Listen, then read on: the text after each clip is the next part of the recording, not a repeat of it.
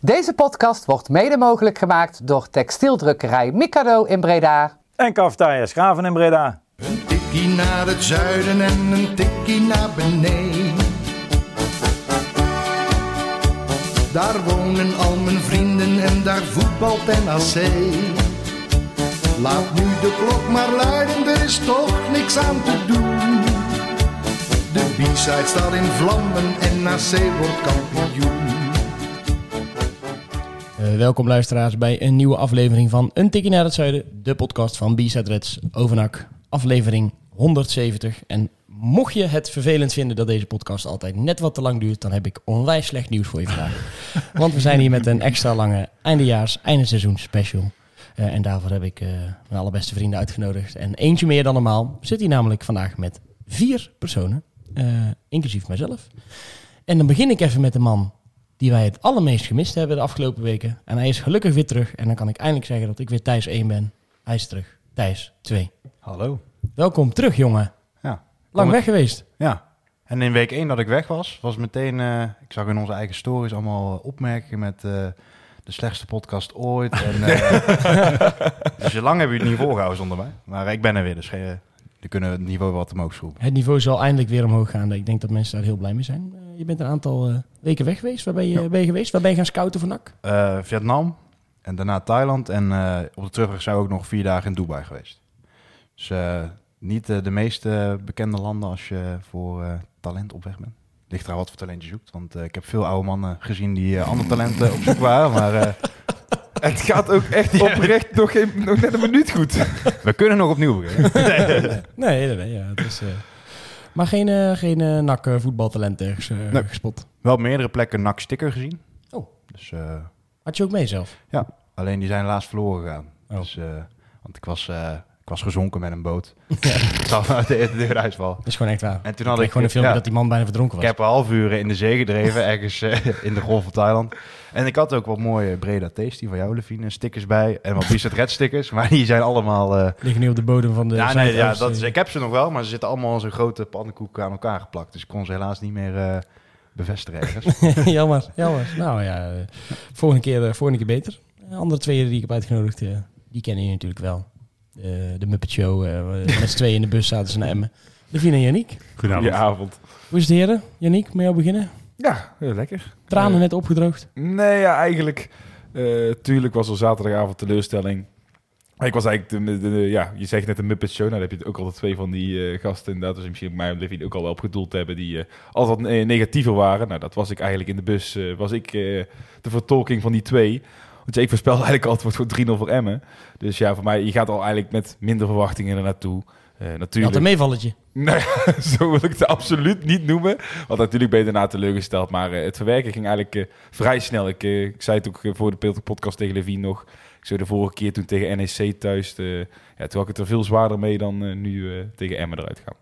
Hoe heb jij het ervaren, Levine? En hoe was jouw terugreis naast Grumpy?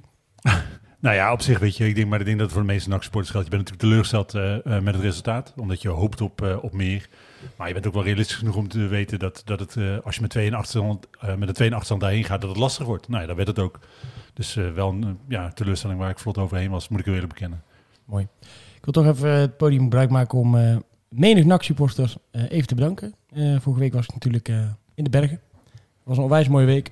onwijs veel geld opgehaald. En uh, na enkele oproepjes nog op, uh, op de socials en op Twitter, Instagram, echt nog onwijs veel donaties gekregen. Uh, wat resulteerde in een bijna 20.000 euro die we met ons team, team hebben opgehaald voor, voor KWF. Dat is wel veel dus, zeg. ja, dat is echt heel veel. Ja, en het kwam echt nog, er zijn echt nog een paar duizend euro bijgekomen in die laatste, laatste dagen. Dus daarvoor wil ik iedereen onwijs bedanken. Ook de mooie reacties die ik gehad heb op, op de verschillende sociale media. En voor jou je complimenten dat je het je doel gehaald hebt. Ja, dankjewel. Ja, doelstelling gehad. Ik was wel uh, op en neer, om zo te zeggen. Drie maal, ja. Het was, uh, de bedoeling was inderdaad drie. En dat het eigenlijk gedurende de week merkte ik al dat het best wel goed ging. En uh, op de dag zelf echt gewoon zeven minuten van mijn snelste tijd afgereden of zo. Dus piek op het juiste moment. Lekker man. de EPO viel precies goed. dat was ook het enige waar ik het nog kon winnen. Gewicht zat precies, precies op, op level en genoeg getraind. Maar het was echt een, was echt een wijs mooie week. De samenhorigheid daar is gewoon ontzettend, ontzettend tof. Dus misschien heb ik dronken beloofd dat ik volgend jaar weer meedoe. Dus dan zullen jullie wel weer uh, genoeg voorbij zien uh, zien komen. En dan moet hij dan weer bier komen drinken bij Doc en, eh, en dat soort acties. Super kut. Ja, dat is wel vervelend, hè? Dat is wel vervelend. Vandaag gaan we terugblikken op het seizoen. En dat doen we aan de hand van een eh, hele hoop stellingen. En om toch een beetje te beginnen in de actualiteit, eh, begin ik met een stelling. Met een volledig fitte selectie, zonder schorsingen en zonder blessures, had NAC nu de finale van de play-offs gespeeld. En dan zal ik hem aftrappen. Ik ben het daarmee eens. Eh, ik oneens. Ik ben het ermee eens. Ben het ook bij oneens. Nou, dan zal ik ook mijn eh, argumenten gelijk eh, opwerpen. Ik denk dat je voornamelijk in die eerste wedstrijd, hoe je het went of keert, met een keeper hebt gespeeld die best wel een duur doelpunt heeft weggegeven. Dat je een centrale verdediger miste die in vorm was. Eh, ondanks dat Veldhuis niet heel onaardig deed. En dat de beste man van de tweede seizoenshelft, Omarsson, niet fit was. En daardoor niet uit de verf kwam. Uiteraard eh, kun je daar niet omheen. En daar, op dat deel ben ik het wel eens. Maar uiteindelijk denk ik dat NAC het eh, verloren heeft op het feit dat er eh, te weinig creativiteit was in het elftal. En te weinig creatieve spelers. Natuurlijk kun je daar Omas onderscharen. Maar die vind ik meer als spits echt nodig voor de doelpunten. Maar ik denk dat hij ook heel weinig aanvoer. Als je ook gaat kijken in die eerste helft. Oké, hij was niet fit. Maar als je de aanvoer ook gaat kijken in de thuiswedstrijd. hadden we heel veel de bal. Maar totaal geen creativiteit. Dan konden we niet tegen het blok van Emma op. Ehm, uiteindelijk denk ik dus dat je het verloren hebt. Omdat je geen creatieve nummer 10 op het voor wedstrijdformulier had staan. Nou ja, we hebben natuurlijk wel een creatieve nummer 10 op het wedstrijdformulier gehad hè, met eh Velanas. Die kwam alleen eh, niet uit de verf. Ik denk dat al- als wij iedereen gewoon fit hadden gehad, als iedereen gespeeld had, dat NAC ook anders aan die thuiswedstrijd was begonnen. Het is zo dat we super angstig en onwennig speelden tegen Emmen. En ik denk dat je in die terugwedstrijd zag dat het verschil uiteindelijk niet super groot was de eerste helft. Eh, was in de eerste helft in eh, Emmen zeker de gelijke van, eh, van Emmen. En ik denk dat we met de fit selectie echt een heel, heel stuk verder waren gekomen. Ik werd ook wel een beetje moe van heel die van de Merbel, want daar ben je helemaal mee doodgegooid op een gegeven moment. Maar ik heb wel het idee dat er, dat, dat er wel een bepaald sfeertje was van... De, nadruk lag zo op de mensen die er niet bij waren, zeg maar. Dat dat misschien ook wel een beetje in het team ging zitten. Ik denk persoonlijk dat de kans wel echt groot was geweest als je ze had. Dan had je misschien wat meer in die wedstrijden kunnen sneaken als het ware. Maar ja, als je eerlijk bent, Emma was wel gewoon eh, een maatje te groot. Misschien is het dan nog hun zwakte dat ze het toch altijd een beetje laten doorsudderen. Ze maken een tegenstander eigenlijk bijna nooit af. Waardoor je toch misschien nog eh, hier en daar gevaarlijk kan worden. Maar ja, Emma is wel echt... Ja, die zijn wel een van de sterkere ploegen die ik de afgelopen jaren zeg maar, in de playoffs heb gezien. Ah, ik had niet het idee gehad dat je die, die thuiswedstrijd gewoon zeg maar, zo relatief makkelijk uiteindelijk met 1-2 had verloren. Kijk, Ongba maakt natuurlijk nog een goal, waardoor je, waardoor je nog kans hebt in die tweede wedstrijd. We moeten misschien zo nog even hebben over zijn wissel in de terugwedstrijd. Alleen, ik denk gewoon dat, dat je een andere uitgangspositie voor jezelf had gecreëerd. En dat je dan wel meer, ik zei het feit vorige week aan de telefoon, maar dat je wel meer dan een soort NEC-achtig scenario had kunnen Ja. hebben. Waarin dat stadion erachter was gaan staan. Dat gebeurde natuurlijk wel heel erg. En als je dan 1-1 speelt, of je, of je wint hem misschien, ja, dan, dan krijg je zo'n andere uitgangspositie. En als je ja. De, de mensen die eigenlijk best wel in vorm zijn en die je niet heel erg laten zitten heel het seizoen eh, moet missen, ja, dan is dat wel eh, Ja. vervelend. Want daar aansluiten die uitwedstrijd begon eh, Emma natuurlijk wel... Ze begonnen wel redelijk goed de eerste 10 minuten. Maar daarna konden ze dan ook wel gewoon de bal laten hebben. En als je al 1-0 voor staat, dan is het natuurlijk wel anders. Dan komt er wel een andere dynamiek. En dan kan dat denk ik meer in de kracht voetballen die het eh Ja. niet Maar, goed toch, maar, toch, als je gaat kijken, je behaalt net de eerste helft in Emmen aan. eh, dat het krachtverschil niet heel veel eh verschilde. Maar ja, noem maar een één uitgespeelde eh, aanval op uit die wedstrijd. Waar je echt denkt van nou, hier krijgt NAC een echt de, de niet te missen kans. Nee, maar- Doelpunt. Ja, maar dat die is buitenspel. En dat, Ja, dat was dan jammer. Dat zag ik niet zo goed vanaf mijn positie. Nee, maar je snapt ook dat even dat moment weggelaten Nee, maar dat, dat zeg je, uitspeelde kans. Als je nou gaat kijken naar de manier waarop hij de afgelopen eh, weken eh, gescoord heeft. We hebben heel erg gebruik gemaakt van eh, de fouten van de tegenstander. Met een messcherpe eh Omarsson. Mhm. Dat was echt anders geweest op het moment dat hij 100% fit geweest was. Dan hadden we, was de kans dat wij een fout bij de tegenstander hadden geforceerd echt groter geweest. De beste man heeft ook gewoon donderdag bij de, of woensdagavond bij de heenwedstrijd bij ons, heeft hij natuurlijk ook gewoon heel lang op de pot gezeten. Dan ben je gewoon niet fit. Nee, nee, tuurlijk dus, niet. Maar als jij je- zegt, ja, noem maar- een uitgespeelde kans. Nee, Alleen, maar hoeveel- maar- speelden niet met... maar het was afgelopen... eh, ik heb het ook over afgelopen eh, noemen, zaterdag, die eerste Mhm. helft toen. Toen kwam die, eh, ja, Ja, Kwam- maar- toen kwam hij later erin. Ja. Maar, eh, maar ook als je gaat de- kijken, hij was niet fit. Maar in- hoe vaak zijn wij in de 16 geweest? Eh, Ja, maar de stelling is, wat als we met een ja, fit selectie... ik denk nog steeds dat je selectie gewoon niet goed genoeg was om die finale te Het bereiken. blijkt nu Omdat dat het format problematisch is. Ja, Nee, maar ik zal de stelling even duidelijk uitleggen, Jannik. Nee, maar met de fitnessselectie hadden we het dus ook niet gehaald, Nee. omdat het ontbeert aan creativiteit Maar- op het middenveld. Iets wat dus volgend jaar echt, of in ieder geval komende zomer gehaald moet worden. Maar heel even, jij zat in de bus al, oh, het wordt 3-0. Het wordt 3-0. En ik, je zat naast mij en zei, oh nee, dat gaat niet goed komen. Ja, dat gaat niet goed komen. Ik dacht op een gegeven moment, ik flik jou het veld op. In het stadion ben ik wel gewoon de mindset van Telt dat dan als een voorwerp? Hebben we ook over, je- hebben we ook over gediscussieerd. Als je niet het veld opgooit. Is het een vreugde, Of een... eh, Maar dat is niet echt een, het is niet echt een one-man pitch invasion. Op het moment dat je gegooid wordt, kun je er dan iets aan doen? Kun je dan, hè, krijg je dan een stadionverbod? Of krijgen mensen die je gooien altijd stadionverbod? wel. Hoe werkt dat? Want zodra ik erop gegooid word en ik zie daar allerlei beveiligers komen, ik denk dat je toch automatisch gaat rennen. Ik en denk, dan eh, Maurice van Steen, die komt jou van het veld afschoppen. Oh ja, die, die moffelt jou een beetje weg. eh. ja, of die grensrechter, hè? Dat, die heeft het ook weggeboffeld. Ja, Dan kreeg de rat nog van alles over zich, eh, over zich heen. Moeten we nog wel even hebben over het wisselbeleid? Dat is best wel wat om eh, te doen geweest. Snapten jullie die eh, wissel ook maar eruit? Eh, we hadden het eh, in het zijde erover dat, dat eh Banzuzi speelde echt geen gelukkige wedstrijd. Zo. Dat, dat is hè, echt geen gelukkige wedstrijd. En dat uh, Ongbaar dan gewisseld wordt, ja, dat, dat vond ik eh, een beetje... Ik vond Dat dat is raar, hè? En vooral ook Garbert later, hè. Ja. Dus daarmee hijs je eigenlijk ook al een beetje de witte vlag, had ik het idee. eh want die Ja. Werd ook net na de 1-0 gewisseld, roep ik nu Was daar ook hoofd. niet eh, blij mee? Liep allemaal te tieren en te... Er zal ook frustratie bij zitten Ja, natuurlijk dat van, van het moment dat het niet loopt. En eh, ja, het is wel dat middenveld. Ja. Hij heeft er niet voor niks mee geschoven. En dan eh, blijft het toch terugkomend eh, op het punt eh, van de stelling. Maar Minder- toch, als je- Minnetje voor de trainers? Nee. Vind ik overdreven. Als voor die wedstrijd? Als je opportunistisch gaat spelen, dan kun je misschien wel beter Banzuzi er nog in hebben lopen. toch Nou. lengte, hè? Dat was het enige argument dat wij in, dat, Ja. in het stadion ook nog benoemden. Van stel je gaat straks lange ballen spelen bij... Want ja, Banzuzi bleef dus staan. Omkbaar Banzuzi, toen was het nog 0-0. Nou, hetzelfde staat in 80 minuten nog 0-0. Dan ga je lange ballen spelen op Herman, op Banzuzi. Ja, dan... Je ziet hoe dat tegen Willem II uitpakte. Alle doeltrappen gaan eh, tegenwoordig naar Banzuzi, hè? Allemaal. Dus Ja. eh, elke lange bal gaat eigenlijk richting Banzuzi. En hij wint best wel veel van die kopduels. Dus dat kan je dan nog als argument, eh, argument opvoeren. Er liet natuurlijk Verlana staan die ook geen bal heeft geraakt Ik eigenlijk. denk ook niet dat wij eh, anders gewonnen hadden. Nee, dat, eh, dat zei je al. Toch wel jammer hè, als je ziet dat uh, Velanas in principe, als je naar, naar de statistiek kijkt, is er helemaal niks mis mee. Maar toch heb ik het Ja, gevoel... maar je hebt zo'n 0,0 garantie dat dat iets wordt op een niveautje hoger. Ja, toch? ik. Ja. Ja, hij, hij scoort zijn goals op dit niveau. Maar als je kijkt wat hij aan de bal bijdraagt, dan... eh daar heb ik het niet eens over dat momentje in de tweede helft dat hij die bal eh, onder zijn voet door laat rollen. Ja. Oh, er is ook het ook vrij wel iets wat een beetje in zijn ja. spel zit. er Een beetje ongeconcentreerd-achtig. Ja, eh. dat werkt dan gewoon Klopt, niet mee natuurlijk. De, de kansen die hij gehad heeft in eh, eh, de wedstrijden, eh, de laatste wedstrijden, waren best wel gigantisch. En dan had je dit als hij scherper, fitter, Ja. op zijn Omersons had afgemaakt. Dan had hij, kan ook maar- zijn hè, in zijn geval. Ja, natuurlijk. natuurlijk. eh. Overigens, ik was zondag bij Sparta. Eh, betreffende Velana Sparta. Daar is in februari inderdaad gingen die geruchten daar rond. Daarna is er nooit meer iets over gehoord. eh, dus, eh, is niet- vanuit hun kant niet of vanaf de Odi-kant? Eh, d- dus ja, de mensen die Sparta volgen Ah, inderdaad, eh, die eh, hebben daar echt niks meer van gehoord. daarna. Als je gaat kijken nu naar waar ze eindigen, zij kunnen natuurlijk gewoon Europees eindigen. Dan is de kans dat je je nu eh, echt versterkt met uh, Velanas natuurlijk niet zo heel groot. Ze Ze halen Clement van RKC. En ze halen maar- eh, een linksback van RKC. Ja, maar meer zijn allemaal gasten die eh, al op een hoger niveau gepresteerd hebben. Velanas is 25 en heeft nog nooit Eredivisie Ze gespeeld. halen gast van RKC die ook gewoon toch een negende of tiende zijn geworden. Ja, nee, tuurlijk. Dat Ja, dat ik. Clement in het veldspel wel misschien wel twee stappen verder is al dan Verlanen. Hij heeft Ja, er niet de- hetzelfde rendement. Dus vraag je af, en dat hebben ze nog iets aan Velana. Oh, ongeacht oh, of ze wel of geen Europees halen. Ik heb de mensen al gewaarschuwd dat het een extreem lange podcast gaat worden. Als we ook nog RKC en Sparta gaan behandelen. Ja, sorry, laten Dan duurt het inderdaad 2,5 jaar. Ja, het was aanleiding eh Odi natuurlijk. Nee, nee, gelijk heb, gelijk heb. Eh, maar dan gaan we nu naar de, de volgende stelling. En eh, nu gaan we wel een beetje terug in de tijd. En we beginnen namelijk eh, met de eerste trainer die we dit seizoen hebben gehad. En de stelling luidt... Robert Molenaar begon bij NAC aan een kansloze missie met het materiaal dat hij kreeg. Oneens.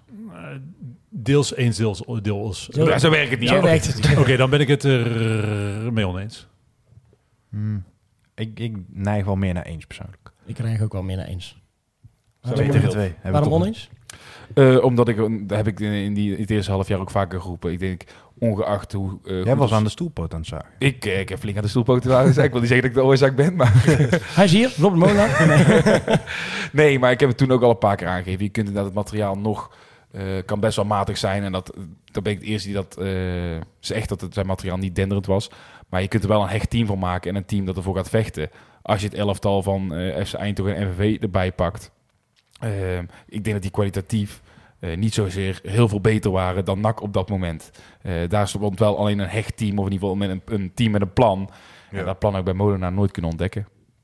Ja, ik ben het daarmee eens. Eh, en hij heeft, als je kijkt hè, nu naar de stappen die de spelers de afgelopen maanden hebben gezet onder eh Hiballa. eh, hij werkt natuurlijk heel duidelijk vanuit een bepaalde visie, een bepaalde speelwijze. Eh, dat, dat zie je ook in alle interviews terug, dat spelers eh, eh, dat, dat roepen. Dat heb ik bij Molenaar natuurlijk geen seconde gezien. Hij heeft A, geen speelwijze. Hij heeft twee, ook echt helemaal niemand beter gemaakt. En drie, hij heeft ook de lat zo'n beetje op de bodem van de zeebodem gelegd. Met, ja, het maakt er geen hol uit of we play-offs halen of niet. Maar we kijken wel gewoon een beetje. Dat is natuurlijk geen setting waarin mensen optimaal presteren. Daar loopt iedereen de kantjes vanaf. Nee. Dus ik vind hem dat echt aan te rekenen. Maar Ik vind, ik, ik vind wel, als jij, jij zegt hij heeft de lat eh, op bepaalde eh, hoogte gelegd. Ik weet niet per se of alleen dat zijn schuld was. Ik bedoel, hij wordt natuurlijk verantwoordelijk gehouden voor, de, voor, de, voor het spel, eh, voor, de, voor wat er op de mat wordt gelegd. Daar ben ik het mee eens dat dat tegenviel. Je kon geen idee ontdekken. Niemand is inderdaad beter geworden. Maar als je kijkt wat hij bijvoorbeeld achterin had staan qua mensen. Ja, eh, eigenlijk allemaal onervaren. Behalve Boyd Lucassen. Eh, waarvan de één iemand dan gelijk eh, heel zijn been in, eh, in, in, in duigen schiet. Die daarvoor al geen denderende indruk maakte. Dat was Sanchez natuurlijk.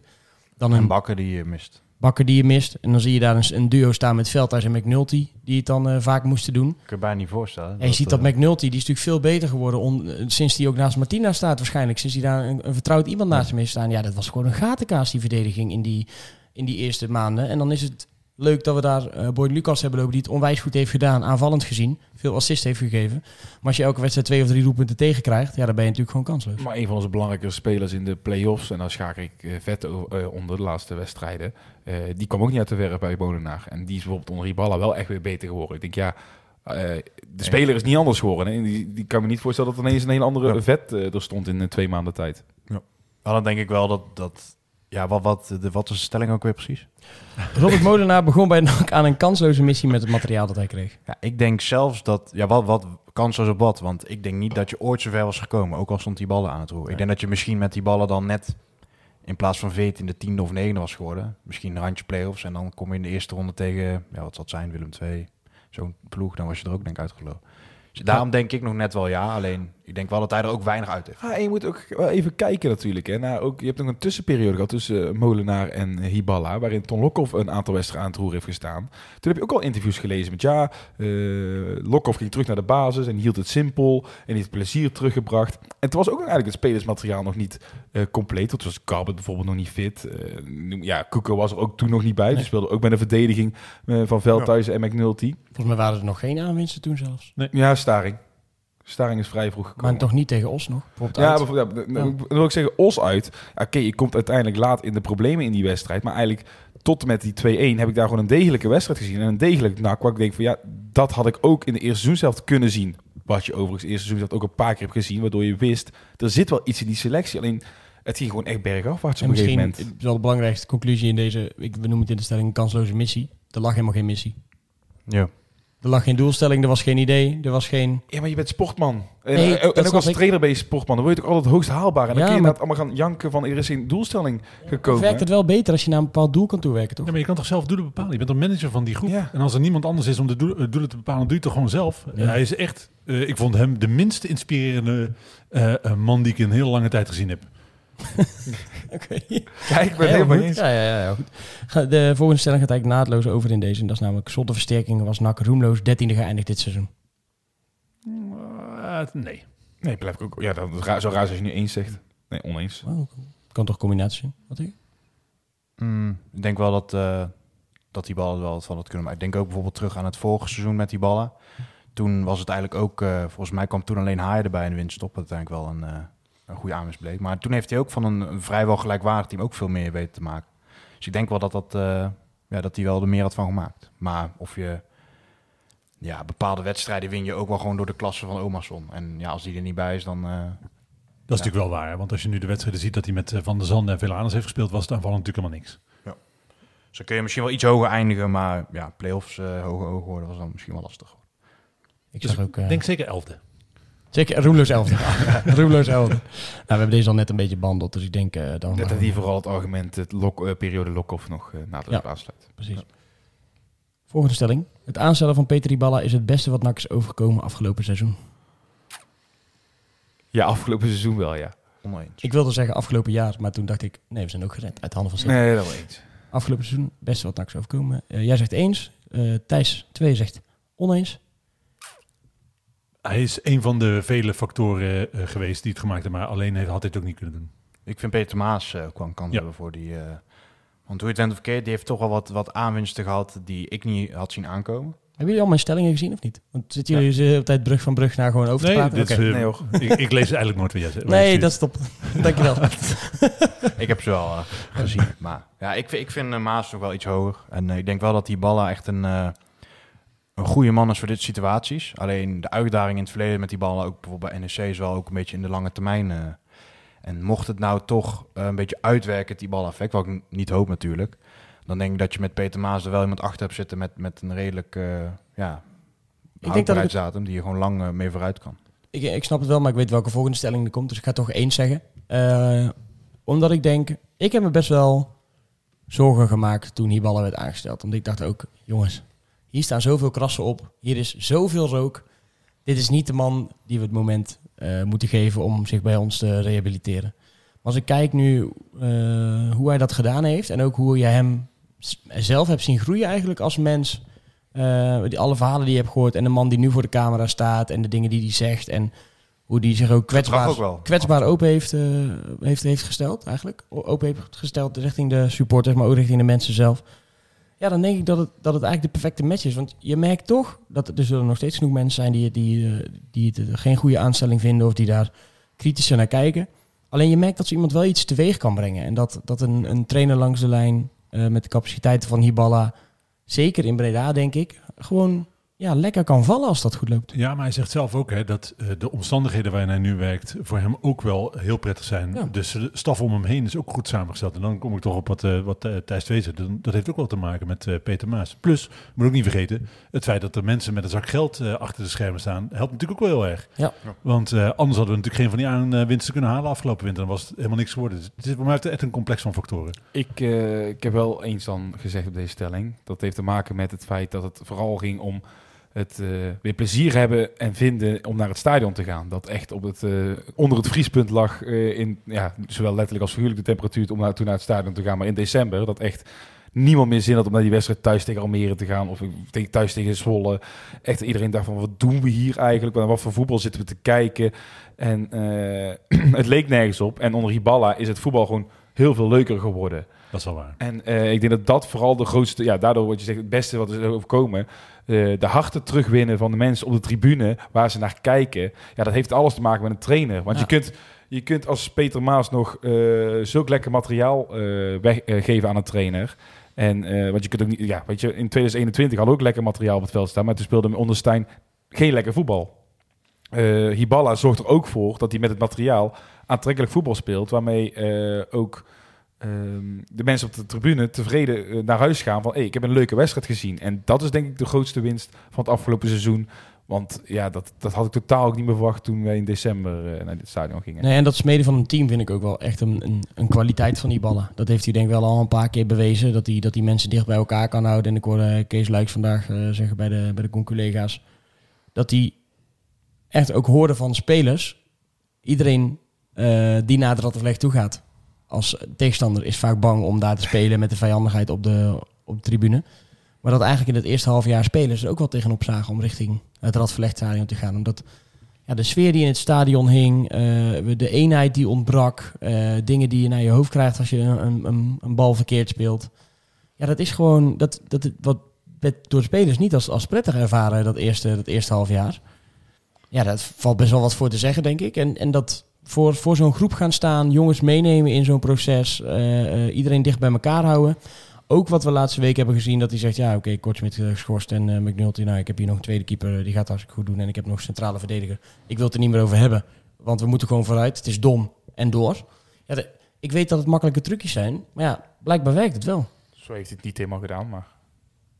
Zo vind ik niet dat hij dat gedaan heeft. We hebben, we hebben nog een keeper die is niet zo goed op hoge ballen. Ik wil je eh, zeggen, ik vind iets, al, hij is wel iets anders gegaan in dat geval. Dus ik, ik niet dat het Ja, beste hij, heeft ook argument wel, is. hij heeft ook wel gewoon gelijk gezegd van ja, we moeten pijn opstellen. Ja, dat en uh, dat is het eerste wat hij in de kleedkamer heeft gezegd. Want iedereen die een interview gaf, die, die zei dat. Ja, nee, klopt. Maar daarna heeft hij nog een leuk interview gegeven... waarin hij alle zwakke plekken van uh, Pepijn van der Meerbel even ging Ja, dat was misschien minder handig. Nee, precies. Maar dat heeft dat terzijde dan inderdaad. Hebben wij zelf trouwens ook gedaan in dat eh, stuk. Hè? Hmm. Stond ook in dat hij slecht bij hoge ballen was. Dus ik denk als, als ook Thomas dat ziet, Oh ja, Thomas. dan, eh, eh, ja, dan is hij waarschijnlijk gewoon echt niet zo heel goed op hoge ballen. En dan zal ook de eh, dat bleek ook. zal, het, zal de tegenstander ook wel weten. Hadden wij ook... eh klein Dus Jadran Blanco weer voldoende op aan te merken. Op, een stuk van Thomas vindt Jadran Blanco blijkbaar leuk om op af te geven. Ik zal, het ik zal het nog één keer zeggen. Ja, we gingen weer in hun podcast benoemen van... nou, eh, nu weet ik gelukkig wel dat, die, eh, eh, dat we NAC maar 4-0 verloren van Feyenoord in plaats van 8. Dat is toch wel fijn dat ik dat Oké, weet. daar ga ik er toch even iets over zeggen. Want eh, één, eh, ik vind Jadran stukjes, als je heel eerlijk bent, gemiddeld genomen bout. Eh, dat is, ja, sorry, het is eh, een eh, aardige journalist als je gaat kijken naar hoe, of hij zijn vak beheerst. Hè. Dus of hij informatie los kan peuteren die andere mensen nog niet losgepeuterd hebben, dan is hij supergoed in. Zijn stukjes zijn gewoon niet zo heel goed. Weinig concurrentie ook meer. hè? Nee, maar hij beschrijft in principe zijn schrijfstijl is niet bijzonder geweldig. Is gewoon zo. Thomas doet het in zijn vrije tijd.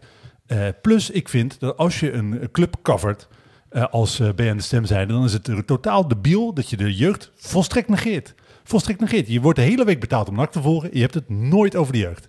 En dan ga je eh, lopen zeiken op jongens die dat in hun vrije tijd wel doen. Flikker dat erop, man. Nou ja, ik vind, dat, ik vind het vooral heel treurig dat je dan eh, ook in je podcast daarop zo moet afgeven. Op zo'n jongen die gewoon in zijn vrije tijd langs, langs de lijn gaat staan en de moeite neemt om eh, eh, onder 21 te volgen. En dit, dit hartstikke leuk vindt omdat hij daarvan kan leren. Omdat hij een opleiding journalistiek wil, eh, wil volgen. En denk, ja, je kan hem ook eens bellen als je er kritiek op hebt, toch? Ik, Zal ik jou eens helpen? Ik denk stage lopen, dat weet ik het. help is inderdaad. Want En laten wij daar juist misschien naar een voorbeeld aan nemen en eh, niet te veel over de podcast de microfoon eh, uit gaan vechten. Nee, Is dat een idee? Ik ken, alleen eh, even heel even, ik, ik ken Jadran, eh, denk ik, 38 of 39 jaar. We zijn samen opgegroeid op het kinderdagverblijf. Dus ik bedoel, Ja, maar. ik mag dat prima zeggen. Nee, ook dat zal best. Maar ik heb ook zoiets van, ja, dat, je- dingen moet, Jadran kan er net zo goed naar Thomas erover bellen. En dat als je er iets van vindt. En wij moeten er misschien net zo goed ook niet Nee, over de zeker podcast waar. microfoon Zeker gaan waar. doen. Ik bedoel, Ah, het seizoen nu Nee, ik ben, ook daar ben ik het niet mee eens. Ik denk, het seizoen zit er nou op. Eh, je, je, hebt, je hebt toch iets nodig om eh, het een beetje interessant te houden. Dan ga ik wel ruzie maken met andere mensen. Volgende week zaterdag, one last fight.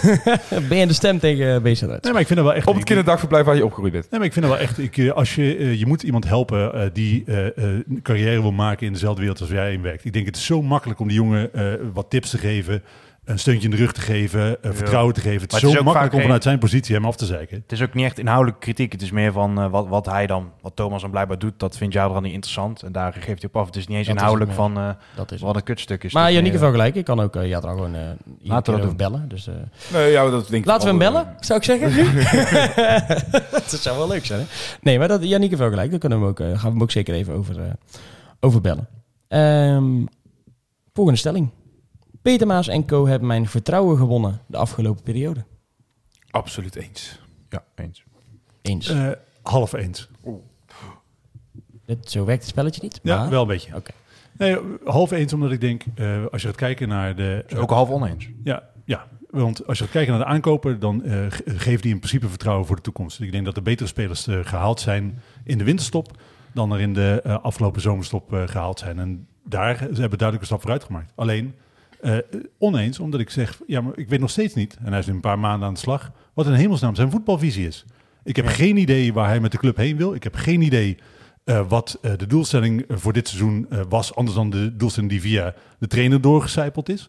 Uh, hij heeft zich nog nauwelijks laten zien. Hij beweegt zich volledig op de achtergrond. Ik denk, nou, daar is nog wel een stukje vertrouwen te winnen. Ja. Hij is de goede weg ingeslagen, alleen ik wil wel precies weten waar die weg heen leidt. En er was ook uh, online wel een discussie over. Met uh, wie, wie zou je nog willen halen voor komend seizoen. En daar was ook met Chris Wemmels daarbij betrokken. Een hele discussie van ja, wat voor systeem speel je überhaupt? Want blijft er twee spitsen. Maar bijvoorbeeld wel Kajet gehaald. Dus zou een beetje tegenstrijdig zijn, zeg maar. Dus dat vind ik ook wel, uh, wel interessant. En die spitsen liggen ook allemaal volgens mij nog vast voor volgend seizoen. Ook Boeren, ook Omerson. Dus. En het is overigens wel zo, hè, dat uh, we hebben natuurlijk die klankbordgroep waar veel over gezegd is gehad, waar, waar Toon Gerbrands ook zei, ja, voorlopig gaat er nog geen interview komen met, met Peter Maas, ook niet met Henk Valk, omdat hij toen nog niet begonnen was. Ja, inmiddels zit het seizoen erop. Ik vind dat het wel tijd wordt dat uh, zowel Valk als uh, Maas hun visie uit de doeken doen. Vraag dat, staat uit. Ja, want nou, oké, okay, prima. Dat introstukje van Valk namelijk was ook, was ook weinig, weinig zeggend. Ik ben begonnen, toch? Dat is het eigenlijk. Ja, dus ik, ik verwacht daar wel meer. Ik verwacht daar meer van de organisatie. Ik denk, als, als we nou een volgende stap naar professionali professionali een professionaliseringsslag maken, dan vind ik dat daar ook een betere PR bij hoort. Ik ben het wel eens, zeg maar, als ik kijk naar het vertrouwen wat ik in hem heb, als ik zie wat er in de organisatie gebeurt. Uh, je roemt net al, zeg maar, de, werksfeer die is gecreëerd rond, rondom Peter Riballa. Het aanstellen van bepaalde mensen. Uh, dat is wel organisatiebreed, heb ik het idee. En daar zie ik wel zaken in verschijnen dat ik denk, ja, dit is wel een positief effect. En als, als deze lijn wordt doorgezet, ik heb, nu, ik heb daar nu wel vertrouwen in. Tuurlijk, ik heb er ook vertrouwen in. En ik vind wel dat er meer uh, gedaan kan worden. Uh, sowieso moet hij zijn visie ontvouwen. Hij moet een uh, plan schetsen voor de komende jaren. En dat ontbreekt op dit moment nog. En ik denk, pas als dat gebeurd is en ik kan zien dat de stappen die hij in het plan geschetst heeft, één voor één gezet worden, ja, dan wint hij mijn volledige vertrouwen. Voorlopig is het voorlopig vertrouwen. Hoe gebruikelijk is dat, dat dat bij een club eigenlijk naar buiten wordt, wordt gebracht? Me zo gaan we wat, wat, spelen. wat, wat wil je weten dan? Wat, hoe, hoe speciale visie moet er zijn? Want uiteindelijk eh, is het plan ook vanuit de eh, eh, eigenaren dat er twee of drie spelers eh, met, met een, een marktwaarde of potentiële marktwaarde van meer dan 7 ton, wat was het Ja, nou? Het verhaal. Dat, in ieder geval, dat is gecommuniceerd, dat ook inderdaad van marktwaarde op het veld gecreëerd moet worden. En voor de rest is het toch, ja, je kunt inderdaad een hele, eh, de visie moet ook een beetje vanuit de club komen. Ja, maar hij is toch de man die de voetbalvisie moet, moet eh, neerleggen voor de komende jaar. Je kan natuurlijk, eh, want het plan wat neergelegd is eh, bij Stichting Noord was voor- uiteindelijk een plan op hoofdlijnen. Waar eh, eh, eh, transferwaarde op het veld creëren is denk ik iets wat iedere club wil. Eh, maar in Maar wat- noem eens een voorbeeld wat dan een visie is van een bepaalde TD. Nou ja, eh, van een bepaald, ja, wat ik, laat ik, laat ik zeggen, wat ik, wat ik verwacht van deze Ja, TD. Dat is Welke- misschien makkelijk. Welke informatie mis je, zeg maar? Ja, dat bedoel ik. Oké, wat gaan we precies doen eh, met de jeugd? Hoe gaan we, wa- wat, wat, wat is daar het algemene idee? Voordat El Verdiel is aangesteld, wat, wat gaat hij precies doen? Waarom is hij precies aangesteld? Waar, wat ga, waar gaan we heen? Uh, Nick Ripson, voor mij is dat de goede die ik nu benoem. Die is er ook tussen nog gekomen als een soort van uh, Hoe werkt dat toptalenten. Dus die willen we ook graag een keer in de, in de show, denk ik, of Ja, niet? eh, eh, sowieso. Hè, dat, dat, dat, eh, eh, dat high potentials traject. Hoe zit dat precies in elkaar? Hoe werkt dat? Eh, het is helemaal niet, het is niet zo dat ik, dat ik wantrouwend ben en dat hij mij verantwoording af hoeft te leggen. Dat is helemaal niet het punt. Ik wil graag weten waar we heen gaan. En ik denk dat dat is iets is van, nee, je hebt altijd over de speelwijze. Eh, welke speelwijze? Is het de speelwijze die Hiballa zelf mag bepalen? Is dus de verantwoordelijkheid voor de speelwijze, ligt die bij de coach? Of zij- is het zo dat we als club een bepaalde speelwijze nastreven die wij in, door de hele opleiding ook uit eh, ontvouwen? Ja, maar dat laatste kun je al invullen. Want als er een, eh, vanuit de club een speelwijze moet komen, stel je Petri Balla niet aan. Nee, maar dat zijn toch. jij, jij vult nu dingen in op basis van wat je ziet. Ik wil graag dingen invullen op basis van dingen die ik hoor en dingen die uitspraken vanuit de club. Ik, ik vind het niet gek dat als je een paar maanden onderweg bent, dat je uitlegt wat je aan het doen bent. Nou, jij zegt nu, eh, als je een speelwijze van, vanuit de club wil, dan stel je Peter Balla niet aan. Maar het kan natuurlijk ook zijn dat jij vindt als club dat de speelstijl die Peter Balla normaal gesproken speelt, 4-3-3 met vleugelaanvallers, dat dat is wat je na wil Ja, stellen. maar het gaat om de gegenpressing natuurlijk. Oh ja, nee, maar dat kan. Ja, maar dat is, maakt toch niet Zeker uit. als je Petri Balla eh, aanstelt, dan weet je, dan gaat gegenpressing Ja, gespeeld maar dan kan, ook dat, je daar, dat kan ook zijn dat ze zeggen, daar geloven we in. Ja, dat, dat kan. Dat is inderdaad een, En daarnaast er lopen een, loopt een hele bak eh, contracten af. Eh, waar ligt onze focus voor de komende transfer? Echt heel veel, hè? Ja, dat is, het is niet gek. Want waar, waar, wat, wat ga je eh, precies aan spelers halen? Is het zo dat wat je afgelopen winter gehaald hebt met een beetje een mix van jong talent en spelers die zo'n beetje het midden tot eind eh, 20 zitten, is dat, is dat wat, je, wat je wil? Wat we, hoe gaan we om met huurspelers? Er zitten best wel veel vragen die helemaal niet wereldtrokkend zijn, waar je prima antwoord op kan geven, die dan een soort van duidelijkheid voor de toekomst geven. Ja, ik snap echt. Het zijn dan losse vragen. Ik weet niet of dat echt een visie, of je dan ook echt een visie mag noemen. Ik vind het vooral eh, vragen van het huidige moment. Inderdaad, Nou, Oké, dan, kijk- kijken we naar de toekomst. Wanneer gaan wij promoveren? Eh, wat is daar de harde, doelstel, de harde doelstelling? Is het zo? Nee, maar, Maar dan kan hij roepen binnen nu en twee jaar. Maar ik het, ja, dan- Nou, ik denk dat hij eigenlijk moet zeggen, Ja, daar komen we straks wel op. Volgend seizoen. dat snap ik. Maar wat heb je eraan aan die uitspraken? wat Nou, heb je- daar kan je mensen toch op afrekenen. Ja, het is toch zo. Ik heb af, je hebt afgelopen seizoen gemerkt met, eh, met Molenaar wat het met een club doet op het moment dat er geen duidelijke doelstelling is. Een duidelijk extern gecommuniceerde doelstelling. Op het moment dat er niemand is die de Het is gecommuniceerd. Komend jaar moet, eh, krijgt de TD een budget waarmee wij mee, bovenin mee moeten doen om promotie. Ja, maar dat is, niet, dat is eh, een plan dat gepresenteerd is voordat de TD aangesteld is. Voordat de algemeen directeur aangesteld is. De situatie is nu anders. Ik wil gewoon weten hoe de mensen die nu aan het werk gaan, hoe die de club de komende jaren verder uit gaan bouwen.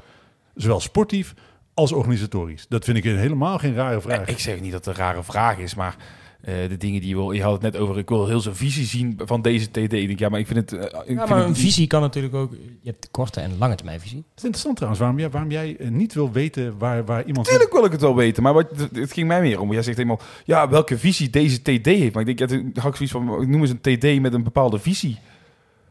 Daar zeg ik over nadenken. Maar je hebt gewoon losse vragen inderdaad, eh, ik- ik heb die samen dan voor jou een visie vormen. Ja, natuurlijk. Op het moment dat je alle vragen op het sportief, eh, hoe je je organisatie sportief inricht, welke keuzes je maakt op transferbeleid, hoe je met de jeugd omgaat, eh, welke eventuele doelstellingen je voor sportief voor de middellange termijn hebt. En als je uitlegt hoe je die wil gaan bereiken, ja, dan is dat wat mij betreft een visie. Ja.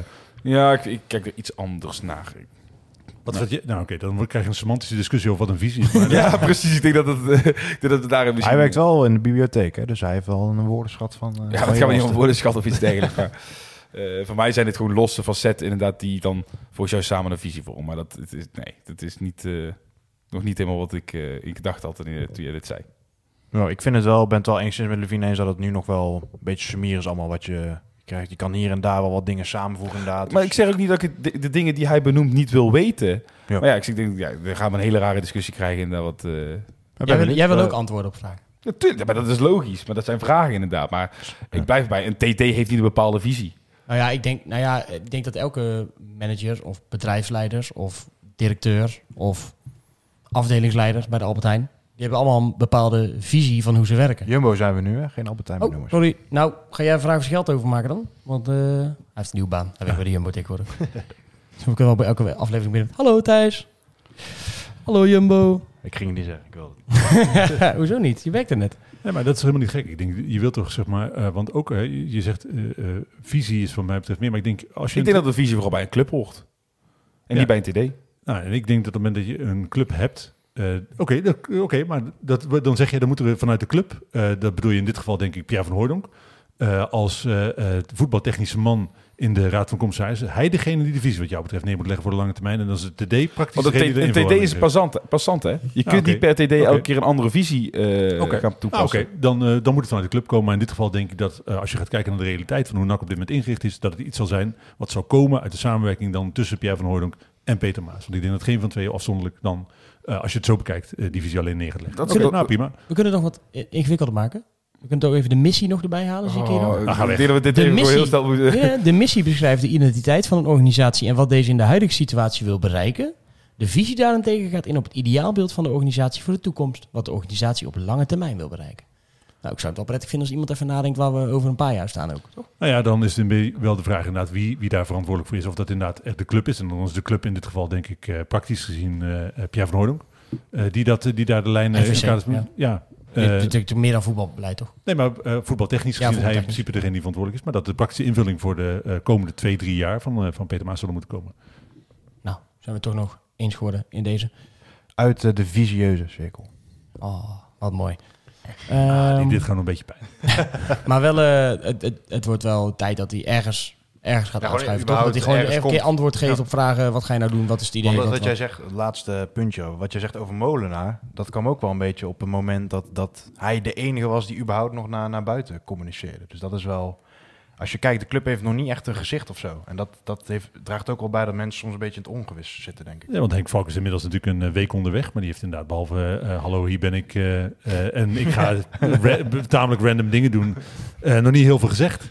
Ja, dus ja, wel, ja daar, daar, daar zijn nog wel stappen in. Maar dan de, de vraag, wie, wie zou wat jullie betreft dan echt het gezicht van de organisatie moeten worden? Kijk je dan naar de rol? Dus dan zeg je, het moet bijvoorbeeld de algemene directeur zijn. Of kijk je in dit geval naar personen en denk je, nou, van de mensen die nu aanwezig zijn, is meneer X de beste, het beste uithangbord? Ik zou het vooral prettig vinden als eh, personen praten over hun eigen verantwoordelijkheden. En ik denk Ja. dat we dan al een heel Ja. eind komen. Op het moment dat het gewoon zaken gaan over de, over de club zelf, over het aanstellen van mensen op kantoor. Als het gaat over nieuwe horecapartners, wil ik graag Henk Ja. Valk zien. Precies. Maar dat als je, ja, Ajax is al een beetje, de- dat, dat hoor je natuurlijk vaker. Maar Ja, daar gaat kijkt, het lekker. die doen altijd, eh, zeker in de, de goede jaren, einde van een transferwindow, dan kwam er gewoon een video op YouTube van 20 minuten met Mark Overmars die eigenlijk heel die window doornam. Vervolgens in de zomerstop, een nieuwe shirtsponsor, maar wat. Dan ging Van der Sar daar zitten en die gaf gewoon wat, wat toelichting. Gewoon in iedereen zijn eigen vakgebied gewoon een beetje vertellen wat er is gebeurd, wat de bedoeling is. Dat, kan wel heel veel meerwaarde hebben, denk ik.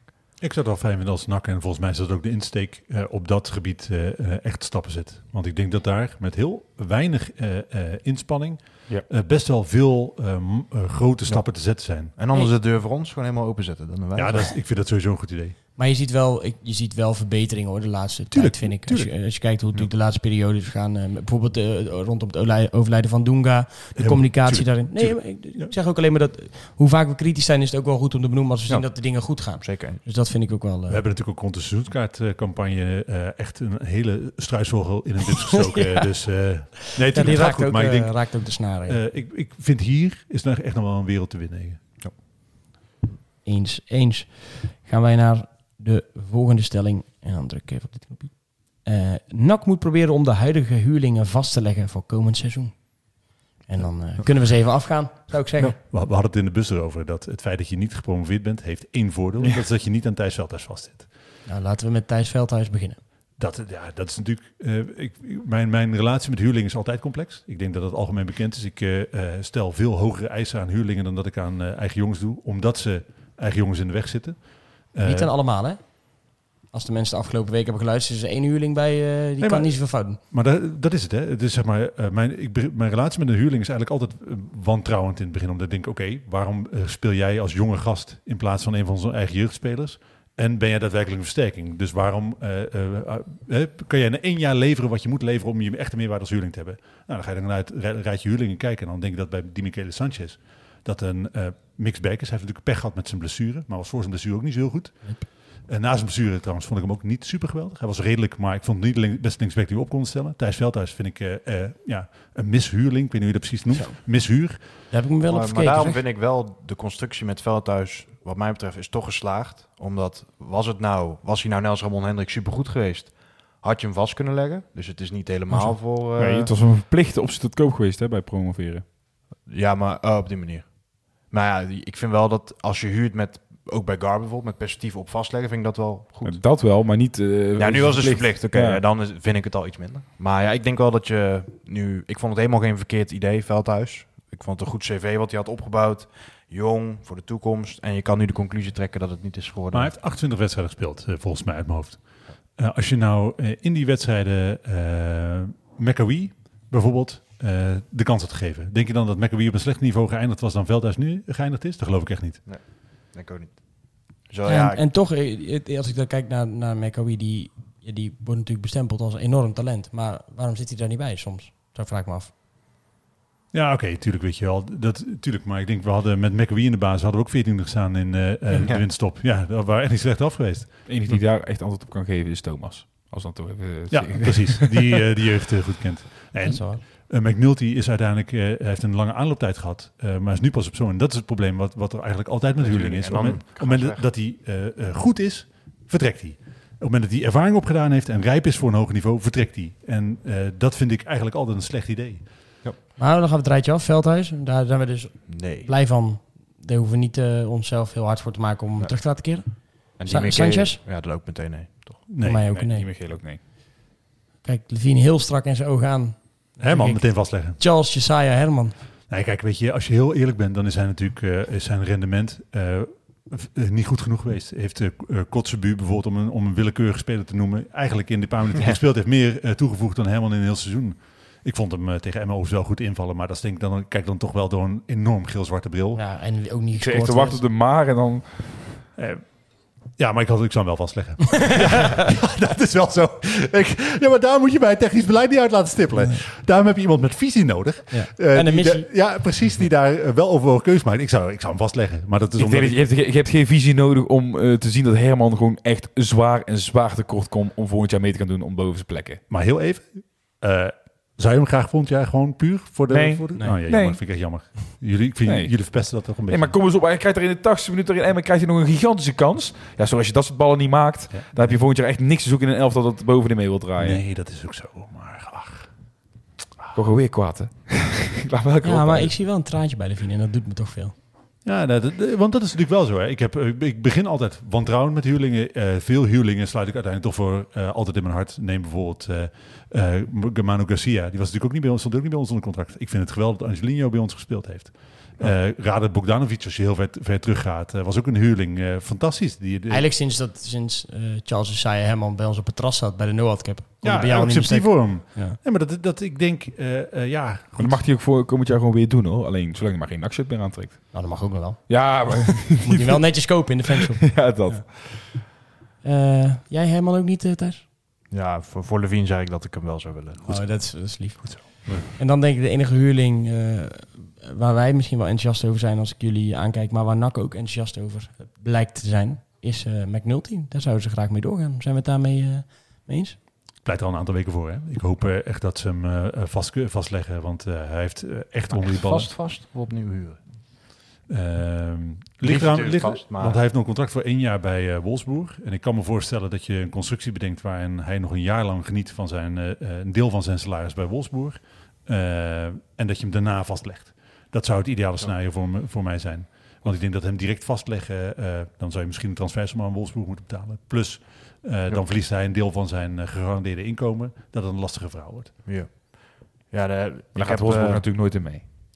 Als hij bij hun blijft, ja, dan speelt hij. Ja, goed, dan zouden ze hem opnieuw moeten verhuren aan een andere club. Of zijn contract verlengen. Of zijn contract ontbinden. Of, eh, Ja, verkopen inderdaad. ja, maar goed, zijn er clubs die denk je nu een eh, transfersom voor eh eh, McNulty gaan betalen anders dan NAC?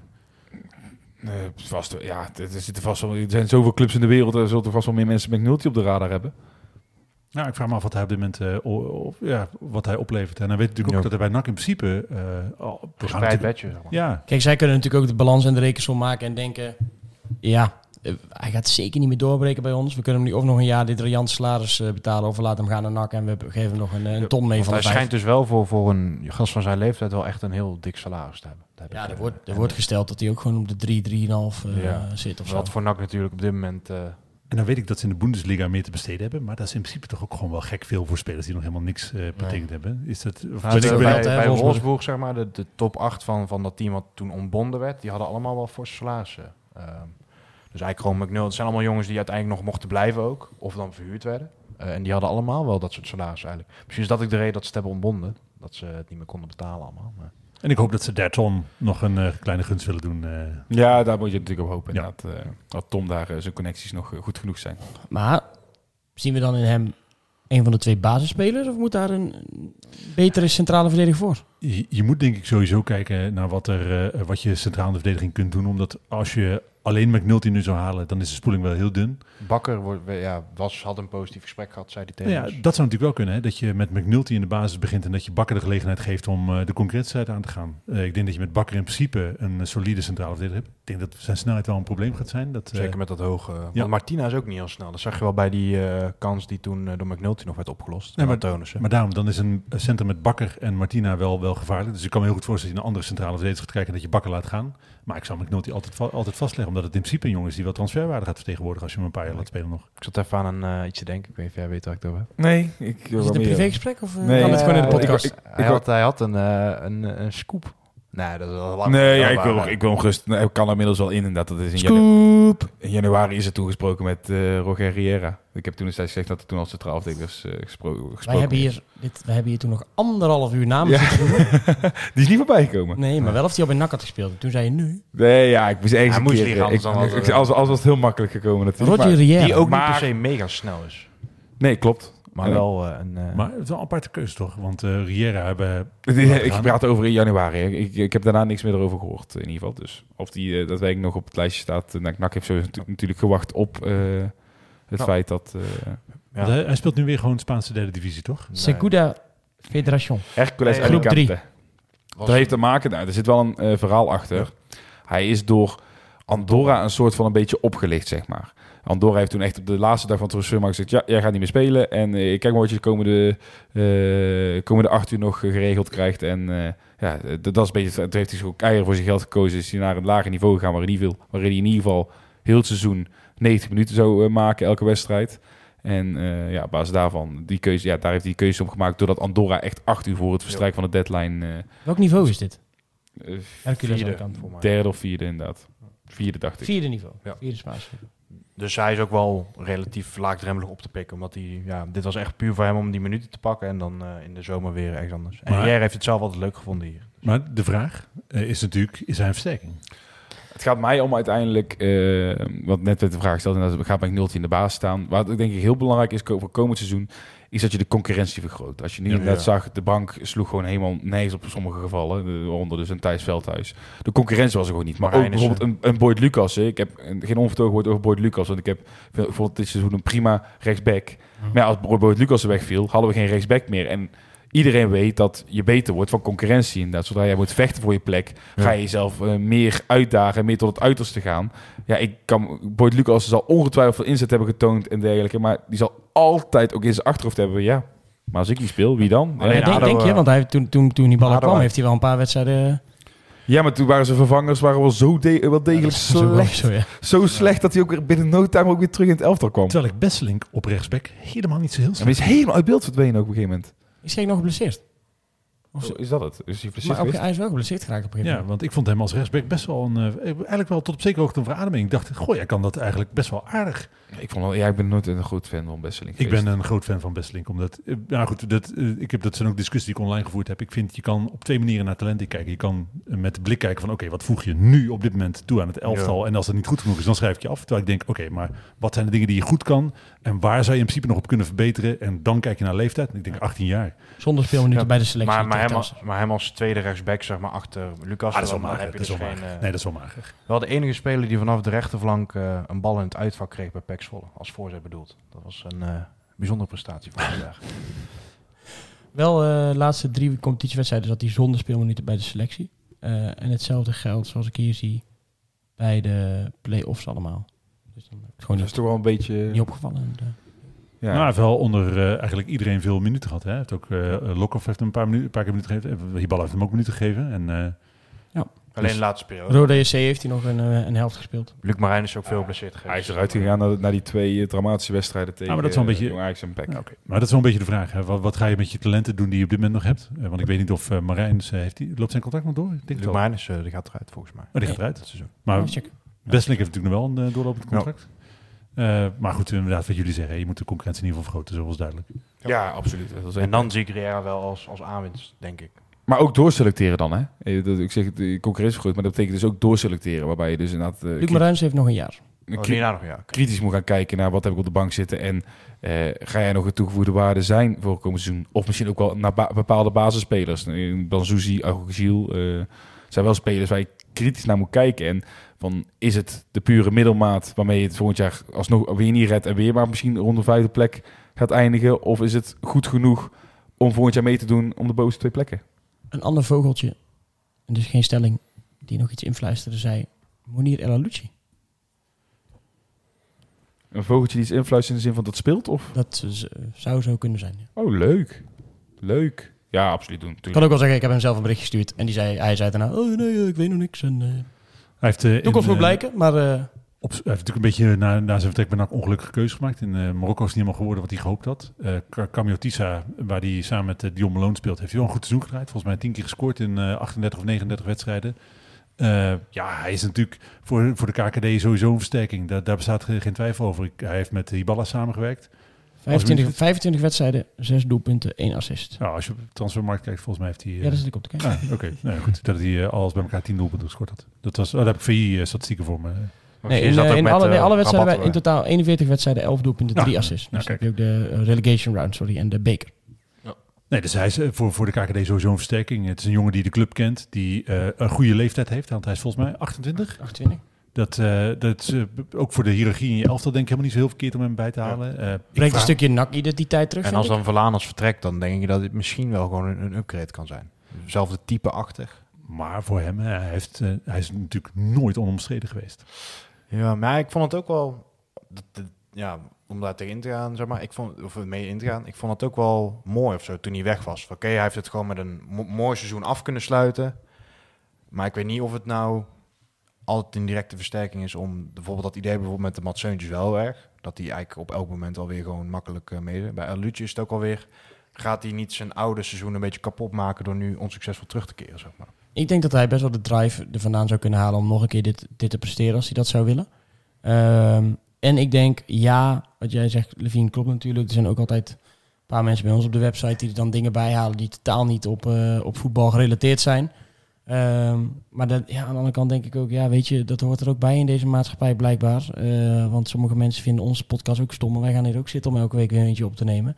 En dan gaan ze daar ook allemaal dingen over zeggen. Ja, weet je, het hoort erbij. En ik, ik denk echt wel dat hij meer kan genieten van de waardering die hij hier heeft gekregen van, van supporters die welwillend zijn dan uh, die paar negatieve reacties die daartussen zitten. Maar als je dan uh, zelf bent, hè, en dat je, je hebt dus de optie om terug te keren naar een club uh, waar je voor een deel geliefd bent, maar voor een deel ook om simpelweg wie je bent, door een aantal mensen, want zo simpel is het, want dat, dat, dat is wat het is. Hij is, omdat hij moslim is, wordt, wordt hij door een aantal mensen gewoon negatief benaderd. Plus er zijn mensen die over zijn voetbalkwaliteiten twijfelen.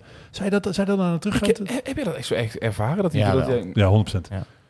Ik heb het helemaal niet... eh, ja, misschien omdat wij, omdat wij heel positief over hem zijn. Maar daar hebben wij, ook, we hebben toen, toen hij wegging, volgens mij, of Ja. het einde van seizoen, hebben wij nog een hele lange podcast met hem opgenomen. En daarna nog heel lang na zitten praten. Ja, dat, dat heeft hij ook wel gevoeld. Oké. Oké. En En dat als hij het zelf heeft, dan is het helemaal natuurlijk. Ik heb dat zelf wel minder. eh, ik vind sowieso, ja, ik vind bij, bij NAC dat, dat wat ik ook op de bier zou, wat toch een beetje de harde kern. Ik, ik heb, hoor sowieso bijna nooit dat soort kritieken of zo. Ja, maar het is wel blijkbaar iets wat een speler zelf ervaart. Hè? Wat hij dus, hij zal ook Ja. de, de DM's en weet ik veel wat krijgen. Wat toch blijkbaar wel het geval is. Wat, en Ja. trouwens ook wat je bij ons op de website ook wel eens in de reacties gezien hebt. Ja, maar dat vind ik ja, maar daar die vind ik, zeggen, vind ik, graad, eh, vind ik maar- weinig graad mee. Ja, want er maar zit ook, er zit ook Ja, al een Ja, imbecile... maar- Ja, bijvoorbeeld in Italië hoort ook echt vaak in de stadions dat eh Mhm. apengeluid, dat soort dingen.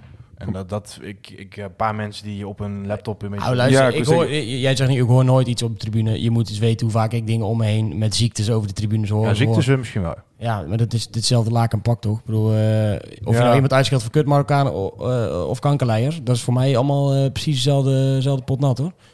En hoe Ja. vaak er niet iets over zijn baard is gezegd of dat soort dingen of zo, als, als die dan ni- niet goed speelde. Dan ben je gewoon debiel. Ja, eens. Nou, en eens. zullen mensen wel zeggen, Alleen- "Oh, moraalridders, ja, je moet gewoon normaal doen. Ja, daar ben ik mee eens. Alleen, Ja, maar ik heb het zelf wat minder meegekregen. Of, Nee, maar eh, ik, eh, het vraag is ook of het een super groot thema is. Het is meer dat ik, dat ik zeg van als je nou je opties af gaat wegen, dat is meer het punt. Ja. De- ga je dan terug naar een club waar je dit soort ervaringen hebt gehad, waar je dus nooit onderscheiden bent geweest, of kies je dan, want met, met zijn cv heeft hij natuurlijk andere opties, voor een club waar je nog nooit gespeeld hebt, waar je eh, wellicht gaat hij bijvoorbeeld, ik vind het ook wel een Almere City spelen bijvoorbeeld.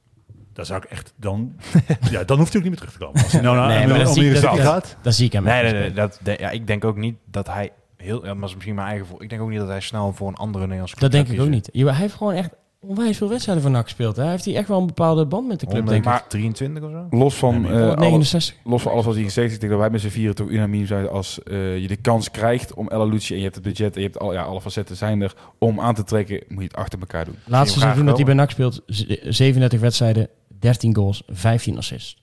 Dan kan je wel eens van geluiden krijgen dat je on- niet onomstreden bent, maar Nou, doe je toch aardig.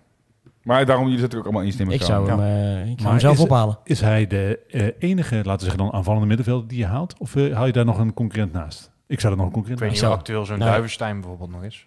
Ja, en ligt eraan hoe Thuis je... zijn is ook niet het type dat je nodig hebt. Als je Duifstein hebt, vind ik meer het type Manzuzi ook al. Want dat is ook Hmm. meer, ik heb niet het idee dat Duifstein de, de steekpaasjes gaat geven. Dat is ook meer zo'n box-to-box middenvelder. En het zal er allemaal aan liggen hoe je gaat spelen. Als je 4-3-3 gaat spelen, dan heb ik, heb ik sowieso liever twee aanvallend ingestelde... eh, Maar dat is het voordeel van Monier. Die kun je ook op links zetten. Kan op 10 spelen. Is wel wat meer... eh, al vond ik hem op 10 nooit zo heel... eh, ik vind hem op links altijd wel beter. ja, omdat hij. We zien hem dus, is, als ik het goed samenvat, zien hem graag komen. We hebben wel wat twijfels uh, als we met hem meedenken. Eh, en hebben het wat twijfels over wat zijn ideale positie is. Ja. Nou, dan, eh, Maar ja. dat is ballen heeft daar uit, uit eh, ongetwijfeld een goed idee over. En je hebt er absoluut geen reet aan op het veld, maar het is ook gewoon een onwijs aardig kerel. dat is iets, eh, hij is, ik vind hem super sympathiek. Ja. Ik eh, vind hem heel aardig. Dat, dat, wat jij eh, noemde dat interview al, dat was het echt een fijne, fijne vent. En iemand die inderdaad ook met ervaring eh, meebrengt. Hè? Want je kunt echt ook nog wel wat ervaring in deze selectie erbij gebruiken. Elias Mar Omarsson wordt volgend jaar topscorer van de KKD. Eens. Met 45 goals, denk ik. Hoe, hoe verder we deze podcast komen, hoe meer mensen denken... Eigenlijk kan ik gewoon alles wat Levine net ook heeft gezegd ook vergeten. nee, nee, nee, nee. Wordt helemaal geen topscorer voor Nee, die wordt geen topscorer. Ja, oké. Nee, ik ik check het nog niet. Nee, maar ik denk dat uh, Omerson wel een goede, maakt wel een goede kans, toch? ja, maakt ik. Als je simpel doortelt... Als je waar- kijkt, eh, met, ja. met Excelsior werden ze volgens mij zesde. En toen was hij ook topscorer. Dus het is wel een, een jongen die... ehm, het is wel een jongen die niet per se bij het kampioensalftal hoeft te spelen om, om echt... eh, dus ik denk dat dat misschien wel een vrij veilig... eh, hij gaat sowieso meedoen om die titel. Dat denk ik ook. En de combinatie met Van der Zanden werkt, toch? Ja, maar ja, de vraag is of dat volgend jaar ook nog zo is. Hè? Met de combinatie met Van der Zanden. Waarom zou dat niet werken? Omdat ik denk naar, naar Van der Zanden ook kritisch gekeken gaat worden. En 4-3-3. Ik, denk- ik denk dat Van der Zanden volgend jaar absoluut niet zeker is van zijn baasplaats. Ja, ligt er toch aan alles weer aan hoe je gaat spelen? Ja. Ik zou hem... Ja, Ook. Ook, tuurlijk. Zou tuurlijk. je Maar, ook maar, ook, maar ook dan moet je nog steeds, denk ik, gewoon kritisch kijken. En tuurlijk, ja, je, je gaat nu zijn statistieken erbij halen. En ze zullen ongetwijfeld fantastisch zijn. Nou, ik heb geen idee. Ik even kijken. Maar eh, 10 goals. 10 ik, ik, assists. 13 ik, goals. ik, ik baseer het nu vooral op eh, zijn optredens in de wedstrijden tegen Willem II, ehm Heracles, Emmen. Vond ik het te matig, soms. Ja, maar je wilt toch... eh, Daar ben ik het wel mee eens. Nee, ik, ik, ik, ik zie zeker dat hij in sommige wedstrijden eh, te matig speelt. Ik denk als je wat kwaliteit er meer omheen gaat zetten, Dat het ook makkelijker voor hem wordt. dat het makkelijker Ja. voor hem wordt.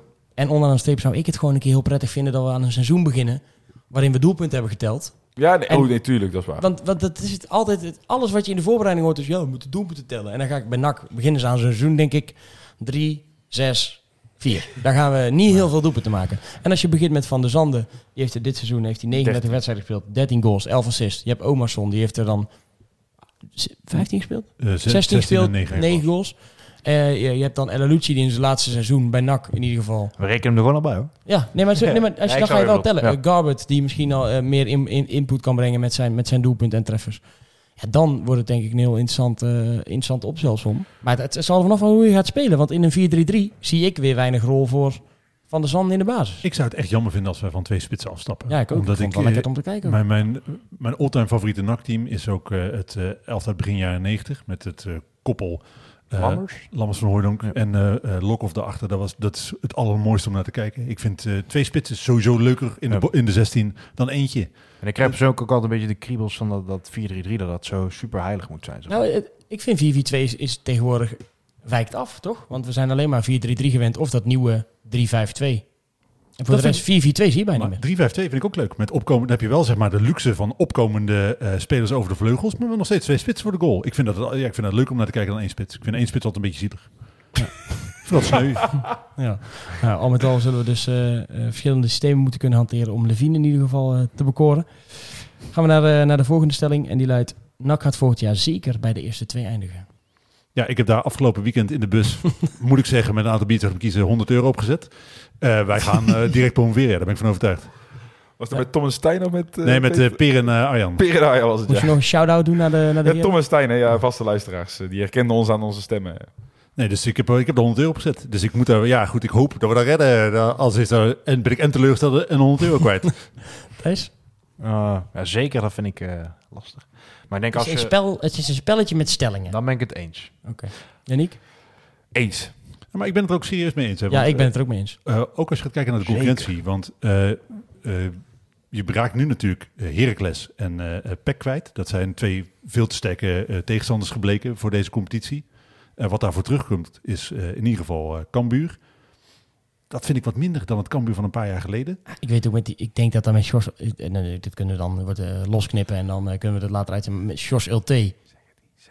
Sjors LT, dat wordt helemaal niks.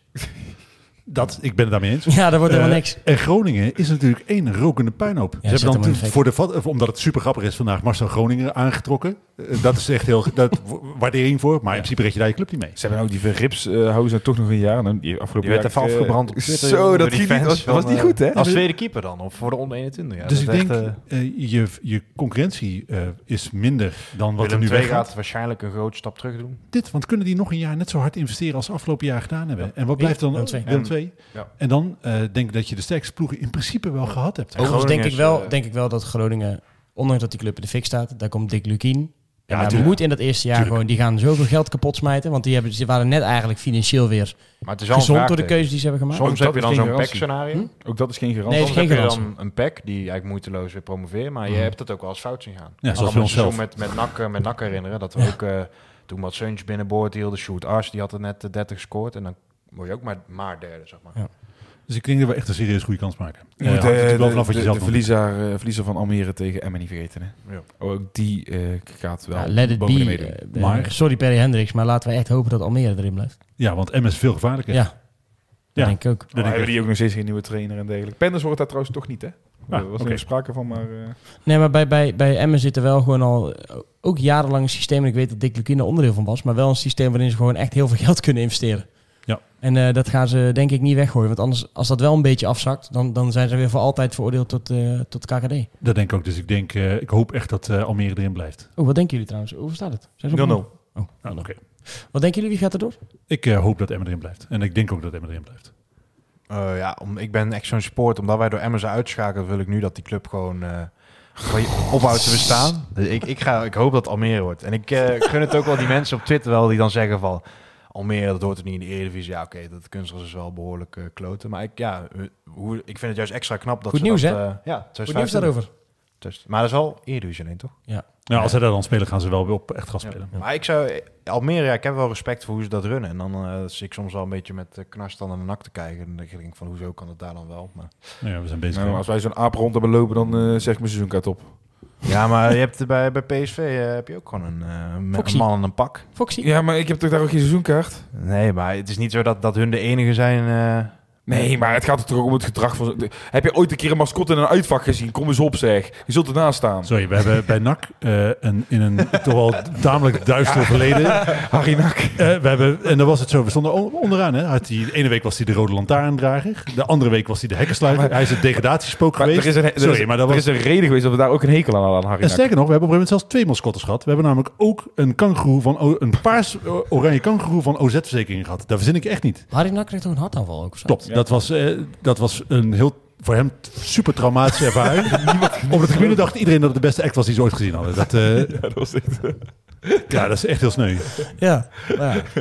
Nee, maar het is, we kunnen wel eh mascottes afzeiken, maar we hebben wat dat betreft ook wel een Maar toen was ik eh, nog niet geboren. Allemaal, schandvlekken in ons verleden. Ik, eh, nee, ik hoop vooral op Emmen, maar ik vrees ervoor. Ja? Ja, ik vrees dat Almere stiekem wel eens met die Alex Pastoor. Ik heb dat... zou ik haat Alex van Stoor. Ik vind juist wel grappig de laatste tijd. Oh, dat vind ik dan vreselijk vet ook, jongens. Oké, focus.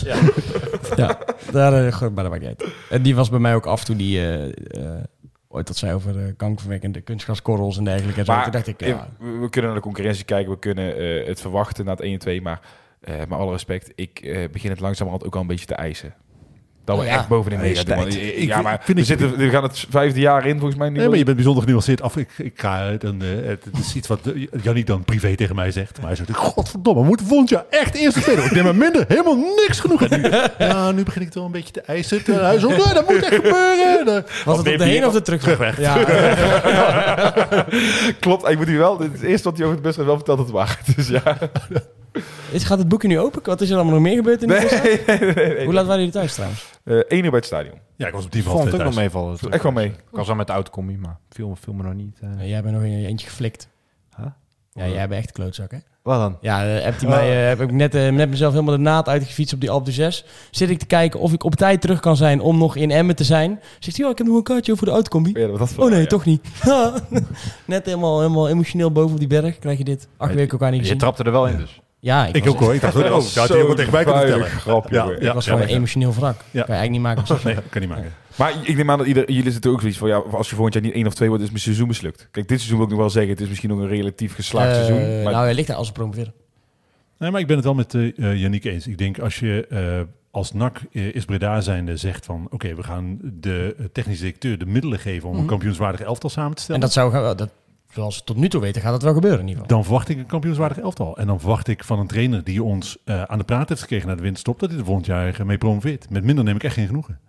En voor een Petri Balla zelf ook niet. Dus- Alleen is mijn seizoen wel geslaagd als we promoveren. Dus al worden we vier. Ja, oké. Ja. Oké, maar we zijn het wel allemaal over eens dat we per se moeten Ja, promoveren. maar je wilt, je wilt toch gewoon ook eens een keer een seizoen hebben. Ik heb, ja, ik, zeg, ik heb het dan nooit meegemaakt. Ja, wij zijn, ik ben wel vooral wat jonger. Van Levine zal het misschien wel meegemaakt hebben. Dat je een keer een seizoen hebt dat je echt gewoon. Zeker, 2000. bovenin, ja, ik zeg, echt bovenin eh meedraait. Dat heb Nou, jij hebt ook dingen, heb jij die ook bewust meegemaakt? Ja, de 93, 92, 93. Yes, ik ben eh 40 hè, dus ik heb dat allemaal bewust Ja, hoe oud was je toen? Weet ik veel. Ik was eh 11 toen. Oh ja. Ja, 10. Ik moest nog 11 worden. Oh ja, hier ga je al. Ja, ja. Wat weet je nog van dan? ja, sorry. Ja. Ja, mijn vader was toen ook elf, eh, volgens mij. Levine jouw vader? Nee, Ivo is jouw vader. Ehm, Oh, stop. ik heb zin in 8 juli. Als de koeien weer de weien mogen. Tegen de Zunderse selectie. Ja, Nee, tuurlijk. Tuurlijk. Ja, uiteraard. Nee, ik zeg, het kan niet snel, geboe- snel genoeg zijn eh, wat dat betreft. Want ik zag dat Burnley vandaag al begonnen was. Ik denk, oh, waarom nak niet? Maar je merkte ook wel, eh, dat was wel, vond ik wel eh, ja, magisch overdreven. Maar eh, vanaf de tachtigste minuut, toen eigenlijk al wel zeker was dat we het ook niet gingen worden, zeg maar, tegen Emmen.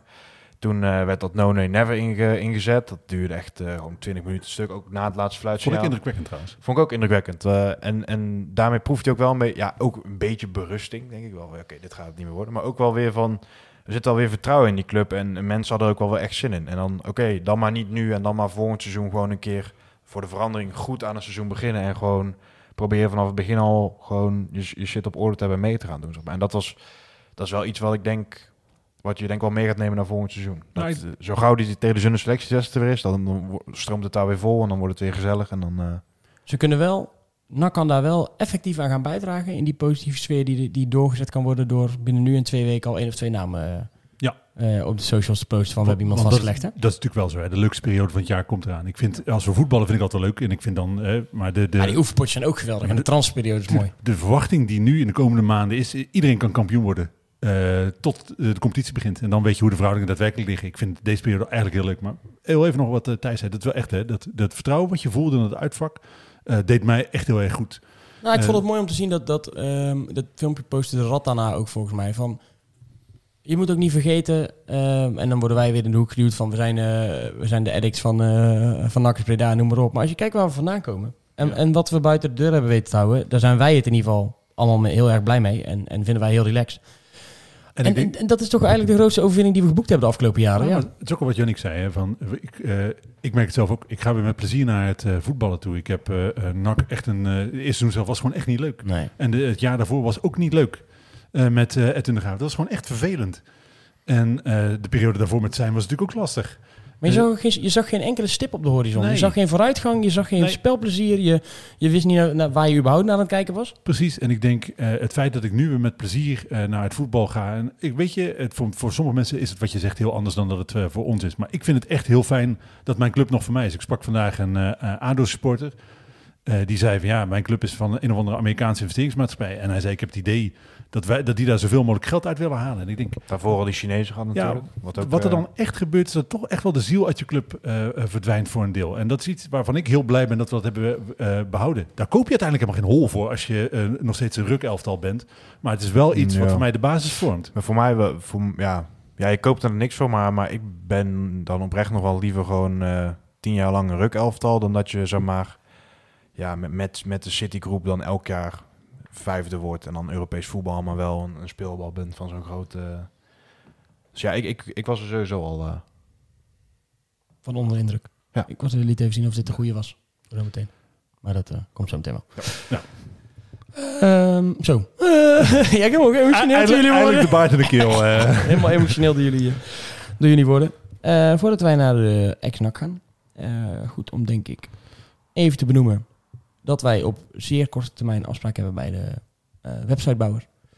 Ehm, RB Media, hè? RB Media. onze maat. trotse sponsors Ja. en eh partners in deze. Ehm, en ik zal de bom maar gewoon droppen dat daar eh, voor 95% zeker een inlogsysteem gaat komen.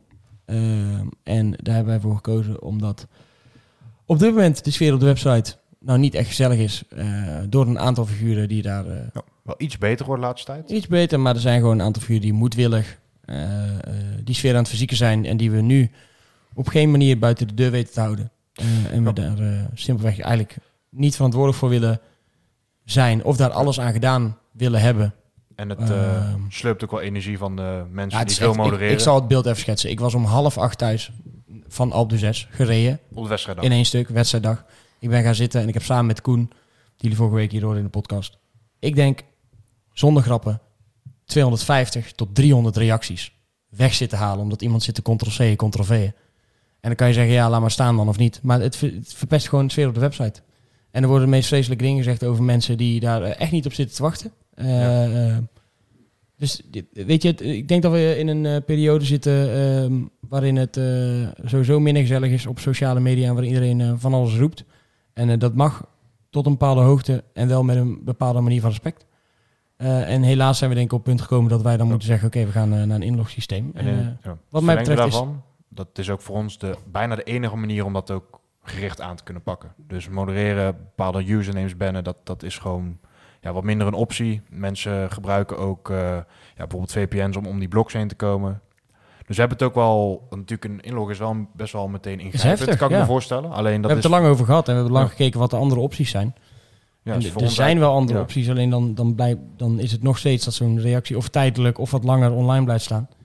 Ehm, En eh, het, het, het maakt het ook een stuk eh, on- overzichtelijker in de zin van... Ik eh, veeg straks een heel groot eh, eh, krijtbord met eh bloks vegen wij allemaal schoon.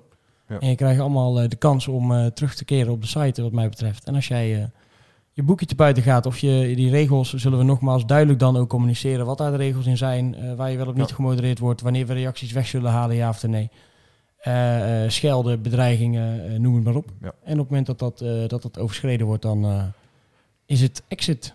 Ja. En, En je hebt gewoon wel, we gaan wel gewoon zorgen dat je gewoon ja, je eigen naam, je eigen naam. We gaan kan- proberen kan om zoveel en, mogelijk vaste bezoekers de optie te geven om de, de naam die ze nu gebruiken, om die ook te gebruiken. Zodat ze niet iedereen eh, van Vlieger heet of eh Ja. ja. 1976. Ja. Of de Poop. en dan, eh, Heb je nog wat op zeggen, oud-voorzitter? Ja, we- we- het, is, eh, het is dubbel, hè. Want ik heb, Mm. eh, eh, ben natuurlijk met eh, Arjan eh, bij heel lang, eh eh, Mafkees, eh, wellicht beter bekend, eh, natuurlijk heel lang gezegd, eh, we, we gaan dat nooit doen. Omdat het zo laagdrempelig eh, mogelijk moest, eh, moest blijven. was ook wel een tijd dat ik eh, als student eh, in principe de hele dag de tijd had om eh, eh, de reacties te lezen. Dat ik daar ook praktisch de hele dag aan spendeerde. Eh, dus ik, ja, dat ik, dat, dat ik tijdenlang op die website zat. En dat ook, denk ik, de sfeer onderling heel anders was. Dat iedereen elkaar meer kende. Ook al had je elkaar nog nooit gezien. Dus het was misschien wel een stuk makkelijker. En de, de manier waarop, waarop je nu je werk moet doen, ik heb, ja, dat, dat gaat gewoon niet. Het is zo dat uiteindelijk, en dat is iets wat, wat altijd de basis blijft en waarom ik ook zo kwaad werd op, op Jadran. Ik denk, eh, het is iets wat, wat eh, een groep jongens in hun vrije tijd doet, omdat ze liefde voor die club voelen en daar graag op een positieve manier een bijdrage aan willen leveren. Eh, dat, dat, ik, ik snap niet zo goed waarom. ehm, je hoeft het niet eens te zijn met wat er gezegd en gedaan wordt. Maar je moet, vind ik, altijd een basis respect hebben voor het feit dat mensen op zo'n manier met een club om willen gaan. Maar dat hebben we gezien de afgelopen periode. Kijk, wij hebben gewoon duidelijk stelling genomen in bepaalde zaken. Omdat we ook een groep supporters zijn. Nou, daar mag ook iedereen iets van vinden. Eh, en laatst was bijvoorbeeld iemand die zei over die seizoenkaartcampagne... Echt, er waren alweer de meest vreselijke reacties gekomen eh, eh, van de bekende eh, re, re- reac- re- Eh, maar er was ook gewoon iemand die zei... Nou, ik zal het even uitleggen waarom ik het eigenlijk helemaal geen goede campagne vind. Eh, eh, het wordt zo voor de zoveelste keer op deze manier aangesproken. Ik moet het eigenlijk nog wel gaan zien. En, en, en dit zijn mijn beweegredenen. Boom. 56 duimpjes omhoog. En, en, was helemaal, en iedereen ook zei, nou hier, zo kan je ook reageren. Ja. Maar om het be- voorbeeld van die zaterdag te nemen. Ik heb dus gewoon tot half twaalf volgens mij reactie zitten verwijderen. Dan zet ik zelf nog een reactie op site. Jongens, wij gaan naar bed toe. Morgen first thing in the morning ga ik weer dingen modereren. Maar we gaan naar bed. Ik word wakker. Staat er helemaal vol. Waar ook mensen op reageren. Ja, Bizet Reds, waarom doen jullie hier niks aan? Ja, we lagen even te slapen. Ja. Ja. Wij, wij gaan geen nachtdiensten draaien om reacties weg te halen. Omdat iemand Ja. het nodig vindt om 400 reacties te plaatsen. Ja, ja. Als je, ik heb dat toen, eh, dat was volgens mij na MVV thuis notabene, met die goals van Omerson.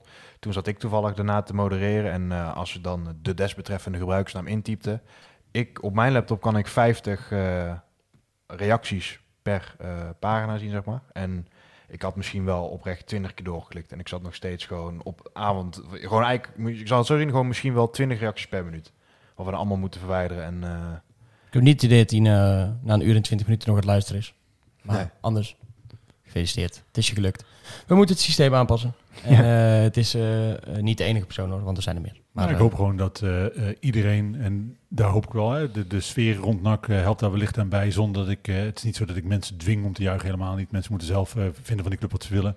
Maar ik denk dat de sfeer rond de club, die in mijn beleving wel algemeen iets positiever is, daar iets aan bijdraagt. Dat het ook voor jullie weer leuker wordt om met die website bezig te zijn. Dat mensen daar op een positieve manier reageren. Dat mensen al iets leuks doet.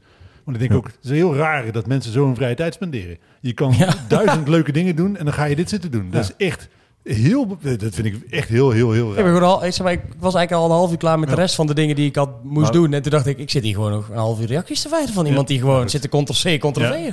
Maar om daar nog op verder te gaan, dat eh, de desbetreffende account was dus vroeger ook gewoon een, een eh, persoon die regelmatig ook gewoon redelijk normaal. re- Want eerst hadden we er misschien ook het idee van, is het misschien gewoon een Willem II die aan het trollen is? Mhm. Maar daar had hij wel iets te veel kennis voor over de Mhm. dagelijkse gang van zaken. Maar dat is dus ook gewoon een persoon die vroeger nog wel redelijk normaal heeft gereageerd. En eigenlijk in de loop der tijd is omgeslagen en dit eigenlijk doet. Ja. Dus het is ergens dus blijkbaar wel een NAC-supporter. Gebied uit radicaliseert.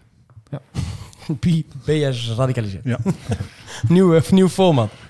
Eh, maar dan zijn jullie daarvan in ieder geval als allereerst op de Ja. hoogte. En er zal eh, echt nog wel eh, genoeg, deze zomer genoeg uitleg over komen. En er zal, zal ook even een weg worden met vallen en opstaan en, eh, en problemen die we daar tegenkomen. Maar eh, dan is het in ieder geval duidelijk dat dat gaat gebeuren. Gaan wij naar ex-NAC. En dan beginnen wij met iemand onwijs te feliciteren. En dat is Nemanja Goudelje. Met zijn tweede Europa League die hij wint met Sevilla. In Ja. een vreselijke wedstrijd. Ja, maar uiteindelijk aan het einde van, je carrière, van je carrière tellen alleen, eh, alleen de prijzen. En dit is een, eh, voor hem natuurlijk wel een mooiere, denk ik, dan de eerste. Dat Ja, is hier wel echt... eh, Eh, hij is basisspeler. Eh, en dat was hij natuurlijk bij de eerste keer eh, niet echt. Speelde hij veel minder. Eh, en ik denk de omstandigheden waaronder hij die Europa League nu pakt, zijn natuurlijk ook heel bijzonder. Was ook bijna afgeschreven hè, bij Sevilla. Speelde bijna niet, was praten, zou hij weggaan, maar niet. Toch gebleven en eigenlijk in de laatste twee seizoenen echt uh, ontpopt tot uh, Ja. een van de belangrijkste mannen daar. Knap hoor. Ik las een interview afgelopen week met, ik weet niet meer precies wie, die vertelde over zijn periode bij AZ. Dat hij zoveel jongens inspireerde omdat hij zo- droog als een zandvlakte werd het genoemd. zo fit, zo ultiem levend voor die sport. Eh, die mentaliteit droeg hij toen over op jongens van AZ. Hij heeft die meegenomen naar Ajax. Hij is eigenlijk alleen maar als eh, sportman eh, beter geworden. Hij heeft inmiddels ook dik 50 in het land voor eh Servië achter zijn naam staan. Het is indrukwekkend wat hij eh, doet. En hij is pas 31, hè, dus hij kan nog een paar jaar mee. Hij heeft wel een beetje de doorsnee opbouw, eh, niet zozeer in clubs, zeg maar, maar in, in het veld, van een beetje een amateurvoetballer. Hij begon best wel aanval, aanvallend ingesteld en is, is centraal achterin. Dus je had dit amateurvoetbal leuk. Naarmate je ouder wordt, ga je steeds verder Ja. achterin spelen. Maar hij heeft natuurlijk als centrale verdediger natuurlijk nog steeds wel zijn trap en dergelijke mee. Dus in principe Ja. Ja, zeker, wel natuurlijk. meerwaarde. Maar bij NAC was het echt wel, eh, gewoon ook best wel een loper gewoon. Acht, Ja, maar de box. Maar ook kijk, bij AZ hoeveel goals. Hij maakte echt veel goals eh, toen destijds. Ja, knap. Het is gewoon echt heel indrukwekkend wat hij doet. Ja, vooral die, die, wat jij ook zegt, Levine, die volledige mindset hebben voor dat, voor dat voetbal. Heeft heel dat gezin, hè? Ja. Alleen maar eh, eh, shakes, groentes, noten. eh, heel de zomer lang doortrainen met, met, Ja. heel, met heel de familie. Draghi Eh, die zichzelf eh, weigert in ambulance ja, te laden. ja, ja, Dus dat, was- dat was wel heel extreem. aan. Dat was wel heel extreem. Eh, ik ben benieuwd hoe het daarmee gaat trouwens. Niks meer over gehoord. Goed denk ik. Eh, ja. ja, dat denk ik dan Ja. ook. Eh zusje tennist ook op, eh, op Ja. hoog niveau. Dus ehm, ja, die, die mensen leven daar gewoon echt, echt voor. Nou, een mooie prijs. Hij blijft waarschijnlijk ook, hè? Hij ging zijn contract verlengen, Ja. dacht ik. Ja, terecht toch. Ik zou, als ik hem was, ook lekker blijven. Ja. Zit daar voor mij op, prima op zijn plek. En Sevilla is zeker geen verkeerde stad om te leven. en volgend jaar weer de Europa League winnen. Dus. Eh, dat, ja, kan wel. Ik maar de Champions League. Ja, ik wist ik ga de Champions League in, maar je kunt natuurlijk Ja, nou, ja. doorstromen. Het is, eh, wie zei dat nou? Het is de, de Real Madrid van de, van de Europa League, waar. Ja. Zeven toch inmiddels? Ja, hè? Nou, ja. Ja. Waarvan vijf in de laatste acht jaar of zo, of tien jaar. ja bizar. Echt, Ja. eh, Echt mooi. Eh, wat minder mooi nieuws. Nigel Betrams, die eh, stopt noodgedwongen met voetbal. Eh, heeft een vorm van artrose in Ja, zijn, in, zijn, in zijn heup. Ja, wel een eh heftige, heftig bericht als je dat zo leest. Hè? Ja, met heel veel pijn doorgekiept ook. eh, Opvallend. en- en met allemaal pijnstils die hij moest nemen. Dat je het allemaal nog waard vindt. Vooral ook omdat je, eh, met alle respect, bij FC Eindhoven zit. En ik denk ook van ja, het, het is ook niet dat je daar waarschijnlijk de vetpot verdient. En denkt van nou, ik blijf, ik, daarom blijf ik nog maar eh, jarenlang met pijn doorkiepen. Liefde voor het spel, hè? Ja, dat, dat zal het dan vooral zijn. eh, als je er nu gelijk helemaal klaar mee, zei hij ook hè. des te meer respect ook eh, wel dat hij het zo lang heeft volgehouden. Oh, ja, hij zegt dat zelf ook. Van bepaalde mensen merken het af en toe aan mijn... hij had wel af en toe gewoon een beetje een rare houding. Dat merk ik van hem heel stijf. Gewoon, eh, en dat was bij NAC nog wel iets, iets minder. Maar ja, wel, wel zonde voor hem. Niet heel pittig hoor, als je zo in je droom leeft en dan eigenlijk al weet dat het niet langer kan. Dat je maar pijnstilling en pijnstilling blijft slikken. Ja. Dat je gewoon jankend in de kleedkamer zit omdat je zoveel pijn hebt. En, en toch niet dat los kan laten om, de- om die stap te, stap te zetten. Ja, maar dat is een topsportcarrière. Het is echt alles of helemaal niks. Eh, want er is geen alternatief. Als je dat op 60% doet, dan kan dat niet. Je moet er alles voor eh, willen opofferen, eh, anders Ja. red je het niet. Eh, en ik vind het, eh, ja goed, wat hij zelf ook zei bij, bij die laatste eh, medische keuring van Eindhoven. Heeft er iemand echt eh, een oogje toegeknepen? Want daar kan hij zetten. Ik snap niet hoe ik daar in hemelsnaam doorheen ben gekomen. Nee. Maar ik, ja, ik, Wijs besluit, ja, toch? tuurlijk. Ja. Ja. En eh, we, we- we- alle succes in met wat hij, wat hij met de rest gaat doen. Ja. Laten we hopen dat hij een mooie, mooie carrière of in de sport of, of wat hij ook wil gaan doen weet, eh, weet te bereiken. Met zijn mentaliteit is, is, is in ieder geval niks mis. Dat we Nee. erover moeten kunnen brengen op anderen, zou je zeggen. Ja, dat, eh, dat zeker, ja. Groot tactisch man is helaas niet meer beschikbaar voor NAC. Want Tom van der Abelen gaat aan de slag bij SKB. Ja, daar schieten mij gelijk wat anekdotes eh, te binnen eigenlijk. Ik Eh, heb daar kom maar op. Ik heb er ooit nog een keer toen in december met, toen is het met Michael, die nog bij ons bij de Bizet zat. En wij daar mochten dan op kantoor even een interviewtje met eh, Tom van der Belen. We hebben daar een half uur gezeten. En in de laatste twee minuten, en eigenlijk konden we er dus ook niet meer op doorvragen. Het ging zo over, hoe zoek je dan spelers tussen zo. En toen ging de man met droge ogen gewoon echt oprecht beweren dat hij zijn spelers gewoon zocht op transfermarkt.nl. God.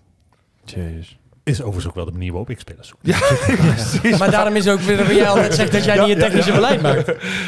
Hey, daar daar komt het niet van. Maar, maar, maar hoe, Dat kijk je dat, hoe, hoe kijk je dan zeg maar, naar die spelers? Ja, nee, maar dan zoek ze even op transfermarkt.nl en eh, ja, dan kijk je dan naar zijn carrière en dergelijke. Ik, ik denk, nou ja, dat is echt gewoon serieus TD's. Nou, tenminste, op hij in ieder geval.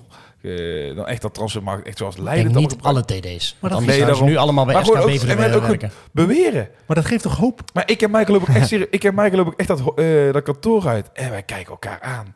Zijn ze nou echt? Ah, er zit nu één iemand achter zijn, achter zijn laptop met zijn oortje in. Chris WM. Die is nu alle clubs aan het bellen. Allemaal of ze nog een TD zoeken. Ja, En dan zegt hij, ik heb Transfermarkt uitgespeeld. ik heb lijsten voor jullie. Hier is mijn cv, dit is mijn Twitter. Ik heb 400 spelers voor rechtsback die jullie kunnen selecteren. Ja, nou ja, ja, daar, begint, nou ja daar begint het wel mee, hè? Iedereen kennen.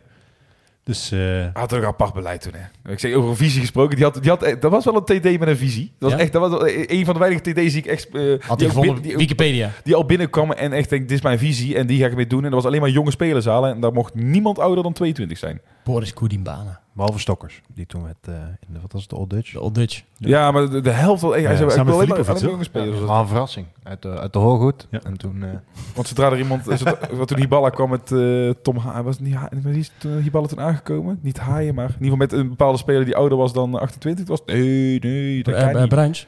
Eh, Jordi Bruin was dat toen, ja. Nee, Nee, dat kon absoluut wel niet. de 26 volgens mij toen. Ja, maar dat was al te oud. Dat, was Ja. echt, eh, dat kon absoluut niet. Die misschien ook, eh, ja, dat zou ook niet heel onlogisch zijn.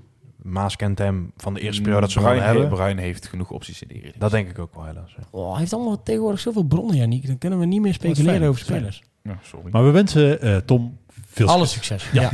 En SK Beveren. eh, en- en best SKB, SKB vooral, ja. Eh Cyril Dessus. Ja. Zou in de belangstelling staan van Rangers. Klopt, er, wordt, er is een miljoenenbod schijnbaar al gedaan. En zijn vraagprijs zou ergens rond de eh, 6, 7 miljoen pond of euro. Dat, ik denk pond. Cremonese eh, is gedegradeerd, toch? ja, hij is gedegradeerd en heeft daar, voor een, mij eh, had hij zo'n clausule inderdaad. eh. hij heeft daar zes goals gescoord. Heeft het niet heel slecht gedaan bij een degradant in de Serie A, maar ook niet geweldig. Is geen basisspeler geweest. Rangers zou voor hem een stap omhoog zijn. Eh eh, Schotse competitie natuurlijk, eh, ja, daar ligt mijn hart. Ik ben, ben een eh, liefhebber van Schotland. Eh bij, denk ik inmiddels ook praktisch alle clubs al een keer geweest. Ik hoor Eh, Bisa Reds uitje als die... Ja, eh, mooi man. Dat als is echt, gaat. eh, ik heb altijd meer met eh, Rangers dan met Celtic gehad. Ik weet dat het voor veel NAC sports anders is. We hebben natuurlijk eerder spelers van eh NAC bij eh, Rangers gespeeld. Eh Sadiq, eh Vietmar in een uh, geleden en Brendan Barker. Eh, ik hoop dat hij het beter gaat doen dan Brendan Barker, want die is daar echt wel uitgekotst. Eh, maar het zou voor hem een fantastische stap zijn. En ik denk dat hij dan ook voor het Nigeriaanse elftal eh, eh, betere zaken doet. Ah, hij moet gewoon veel spelen natuurlijk. Spelen en, en doelpunten maken. Hebben jullie nog meer ex-nak in de koker? Jazeker. Ik, eh, er stond vandaag een, eh, voor de mensen die een eh, eh, premium abonnement hebben op eh, AD of een van die vergelijkbare bladen, een eh, mooi interview met eh, Henk ten Kaat in, die assistentcoach bij het Surinaamse elftal is. Echt de moeite waard, ook omdat hij over zijn liefde voor zijn vaderland en ook wat ik heel mooi vond, hij vertelde aan zijn moeder dat hij assistentcoach zou worden en dat was de enige, enige keer in zijn carrière als trainer dat ze echt enthousiast was. Dus dat, ik vind dat, dat is heel leuk. Verder, ja, dan moet ik even kijken of nu nog iets binnen schiet. Alfred Schreuder bij eh Al Ain. Ja, die is vorige week. Dus Voor, voor, voor weken wel eh, wat Ja. Zijn sportieve droom waarmaken. Ja, fantastisch. Daar heeft hij altijd van gedroomd. Ja, en verder. Ja, Van Hooydonk gaat natuurlijk eh, vertrekken bij Bologna. Dat Zo, is- Ik ben zo benieuwd waar hij naartoe gaat. Ja, Nottingham Forest wordt telkens genoemd, maar dat zou ik echt een aparte stap vinden. Zeker nu. Als je gedegradeerd waren, had ik nog wel. Ja, ik zou het wel mooi vinden, want eh, in Engeland is Forest een van mijn, voor, voor, mijn lieve, liefste... Ik kom gewoon niet aan woorden. Ja. favoriete, Die hebben- favoriete clubs, dat was wat ik wilde zeggen. Die hebben natuurlijk in jouw tijd nog een paar keer de Champions League gewonnen ook. Dat is niet in mijn tijd, vriend. Zo eh, lang geleden. Wanneer was dat in In de godsnaam? jaren 50 volgens mij. Oh, hij is ook echt kwaad. Ehm, Maar ja, kan in de voetsporen van zijn vader treden. Dat zou, ik natuurlijk, eh, dat zou ik heel gaaf vinden. Eind juni, dan eh, melden de NAC-spelers zich weer op Zundert. Er komt nog een eh, mooie nachtzomer aan, hè, wat dat betreft. Ja, zeker. De, eh, eind juni melden NAC-spelers dan. Dan gaan er nog een paar eh, NAC-spelers gaan op pad. Die gaan eh, nog met de Interlands spelen. Ja, Eh, met. Garbett met Nieuw-Zeeland. En Martina? Martina. Cuco zal ongetwijfeld wel weer Cuco een Is hebben. Die is al on- is onderweg, denk ik. Ja, die zat er zelfs bij toen hij geen club had. Dus eh, Ja. nu eh, zal het helemaal indruk maken. Die maken altijd zo'n mooie voorselectie bekend. Al- ja, 400 namen. altijd 62 spelers. Ja. En dan eh, dat is wel spannend. Dat is wel, Ja, dat is leuk. ja. Eh, maar jij zegt mooie nakzomer inderdaad, want 15 juni? Ja, die sowieso. 15 juni is eh, de eh, Juli. NAC... Oh, juni. Wat zeg ik? Juni? Oh ja, nee, 17 juni. Donateur. 17 juni, de Oh. donateursdag Ik dacht van, dat je de, naar van 15 het... juli ging. Nee, nee, Ja. nee. nee want dan, dan zijn we al weer terug. Zijn we Ja, daarom. Nee, eh, vijf- 17 juni, de donateursdag van, eh van het NAC Museum. Ja, heel veel zin in. Ehm, hij gaat terugblikken op de bekeroverwinning. En een feestje vieren. Feestje vieren. Zo simpel is het ook. Ja, ja, dus dat is Maar wel, het is eh, altijd leuk met de mensen om je heen eh, die allemaal eh, dezelfde voorliefde voor dezelfde club eh, hebben. En, Absoluut. eh, en daarmee eh, lekker te borrelen. Wij eh, gaan even... eh, En dan bier en bal een week later nog. Bier en bal is 25, Juni. toch? Ja. Ja, een week later. ja. Ik heb nog geen kaartje. Jij, Ik ook niet, maar ik ga er wel heen. Jij ook nog niet? Ik weet het nog niet. Maar het is wel, zou wel bij kunnen dragen aan je positieve nakzomers. Dat is waar. Was Gasten, onder andere Sidney van Hooydonk, PSV Peter Walla, Weet je die ballen? Glenn Hel. Hoe heet hij ook? Glenn Hel toch, ja. Ja. Ben Helder, ja? Oh, Eh, trommelaar bij ESPN. Ja, precies, ja. Nu, ja, ik, ik kan het wel even opzoeken wie er allemaal nog meer komen. En dan eh, 15 juli, ja, oké, dan zijn we misschien met een podcastje alweer een keer terug geweest. Nou, Maar dat, dat weet ik wel zeker. Ik denk dat we er volgende week alweer zijn, maar dan moeten we nog even over bomen. da- da- da- gaan- daar gaan we het zo meteen even over bomen, hoor ik net. Maar dan natuurlijk de World Cup. En dat eh, wordt natuurlijk het hoogtepunt van eh, deze nachtzomer. Bier en ballen, de gasten voor zondag 25 juni. Misschien krijgen we nu wel gratis stickers, zodat we hier promotie doen. We, koop- we kopen wel een kaartje als we willen komen. Sidney van Nooydonk, Peter Iballa, Glenn Helder, Johan Gabriels, Siert de Vos, Glenn Selmon, Ah, Glenn Selman. Figo Waas en vele anderen. Tenminste, Er komen altijd nog een paar... eh Selman alleen is wel een reden om er naartoe te gaan. Glenn, Glenn, Glenn Selmon. Dat was, die, ik, ik weet niet hoe dat met jullie zit. Ik heb een paar goals die ik eh, Mhm. eens in de zoveel tijd, meestal een paar maanden, soms om de week, eh, opzoek op YouTube. En daar zit onder andere die goal van eh, Selman tegen eh, Feyenoord echt wel bij eh over Henk Timmers. Teleur, teleurgesteld Man, gezicht man, van man, Henk man. Timmers. Is Ah, echt- ja, ja, een van ja. mijn eerste actieve voetbal in, in NAC staan. Echt goals ik me nog kan herinneren. Qua, was voor mij mijn tweede Wat een held zeg, wat een held. Ik een spandoek gemaakt voor Glenn Selmon. Hij speelt toen met nummer 29. En toen Ja. hebben wij spandoek gemaakt, 29 met zo'n pijl. Wordt 2009, omdat hij dan bij moest tekenen. En dan moest hij bij, bij NAC blijven. Ja, ja, ja. Echt eh Ja, spandoeken maken. Er zat een groot spandoekenmaker in mij. Gewoon thuis, hè, op de keuken. keuken. Als we het over spandoeken hebben, ik, maar ik ga toch heel even van dit podium gebruik maken. Ik eh, zag een tijdje geleden voor het eerst, eh, sinds ik mij kan herinneren, een spandoek op de B-side eh, van het oude doek, eh, of oude bord van de B-side. Ik heb een tijd geleden een sticker gemaakt. Het is een van, dat, van dat bord. Ja. zijn verticale gele en zwarte strepen Ja. met dan in, in het midden groot B-side.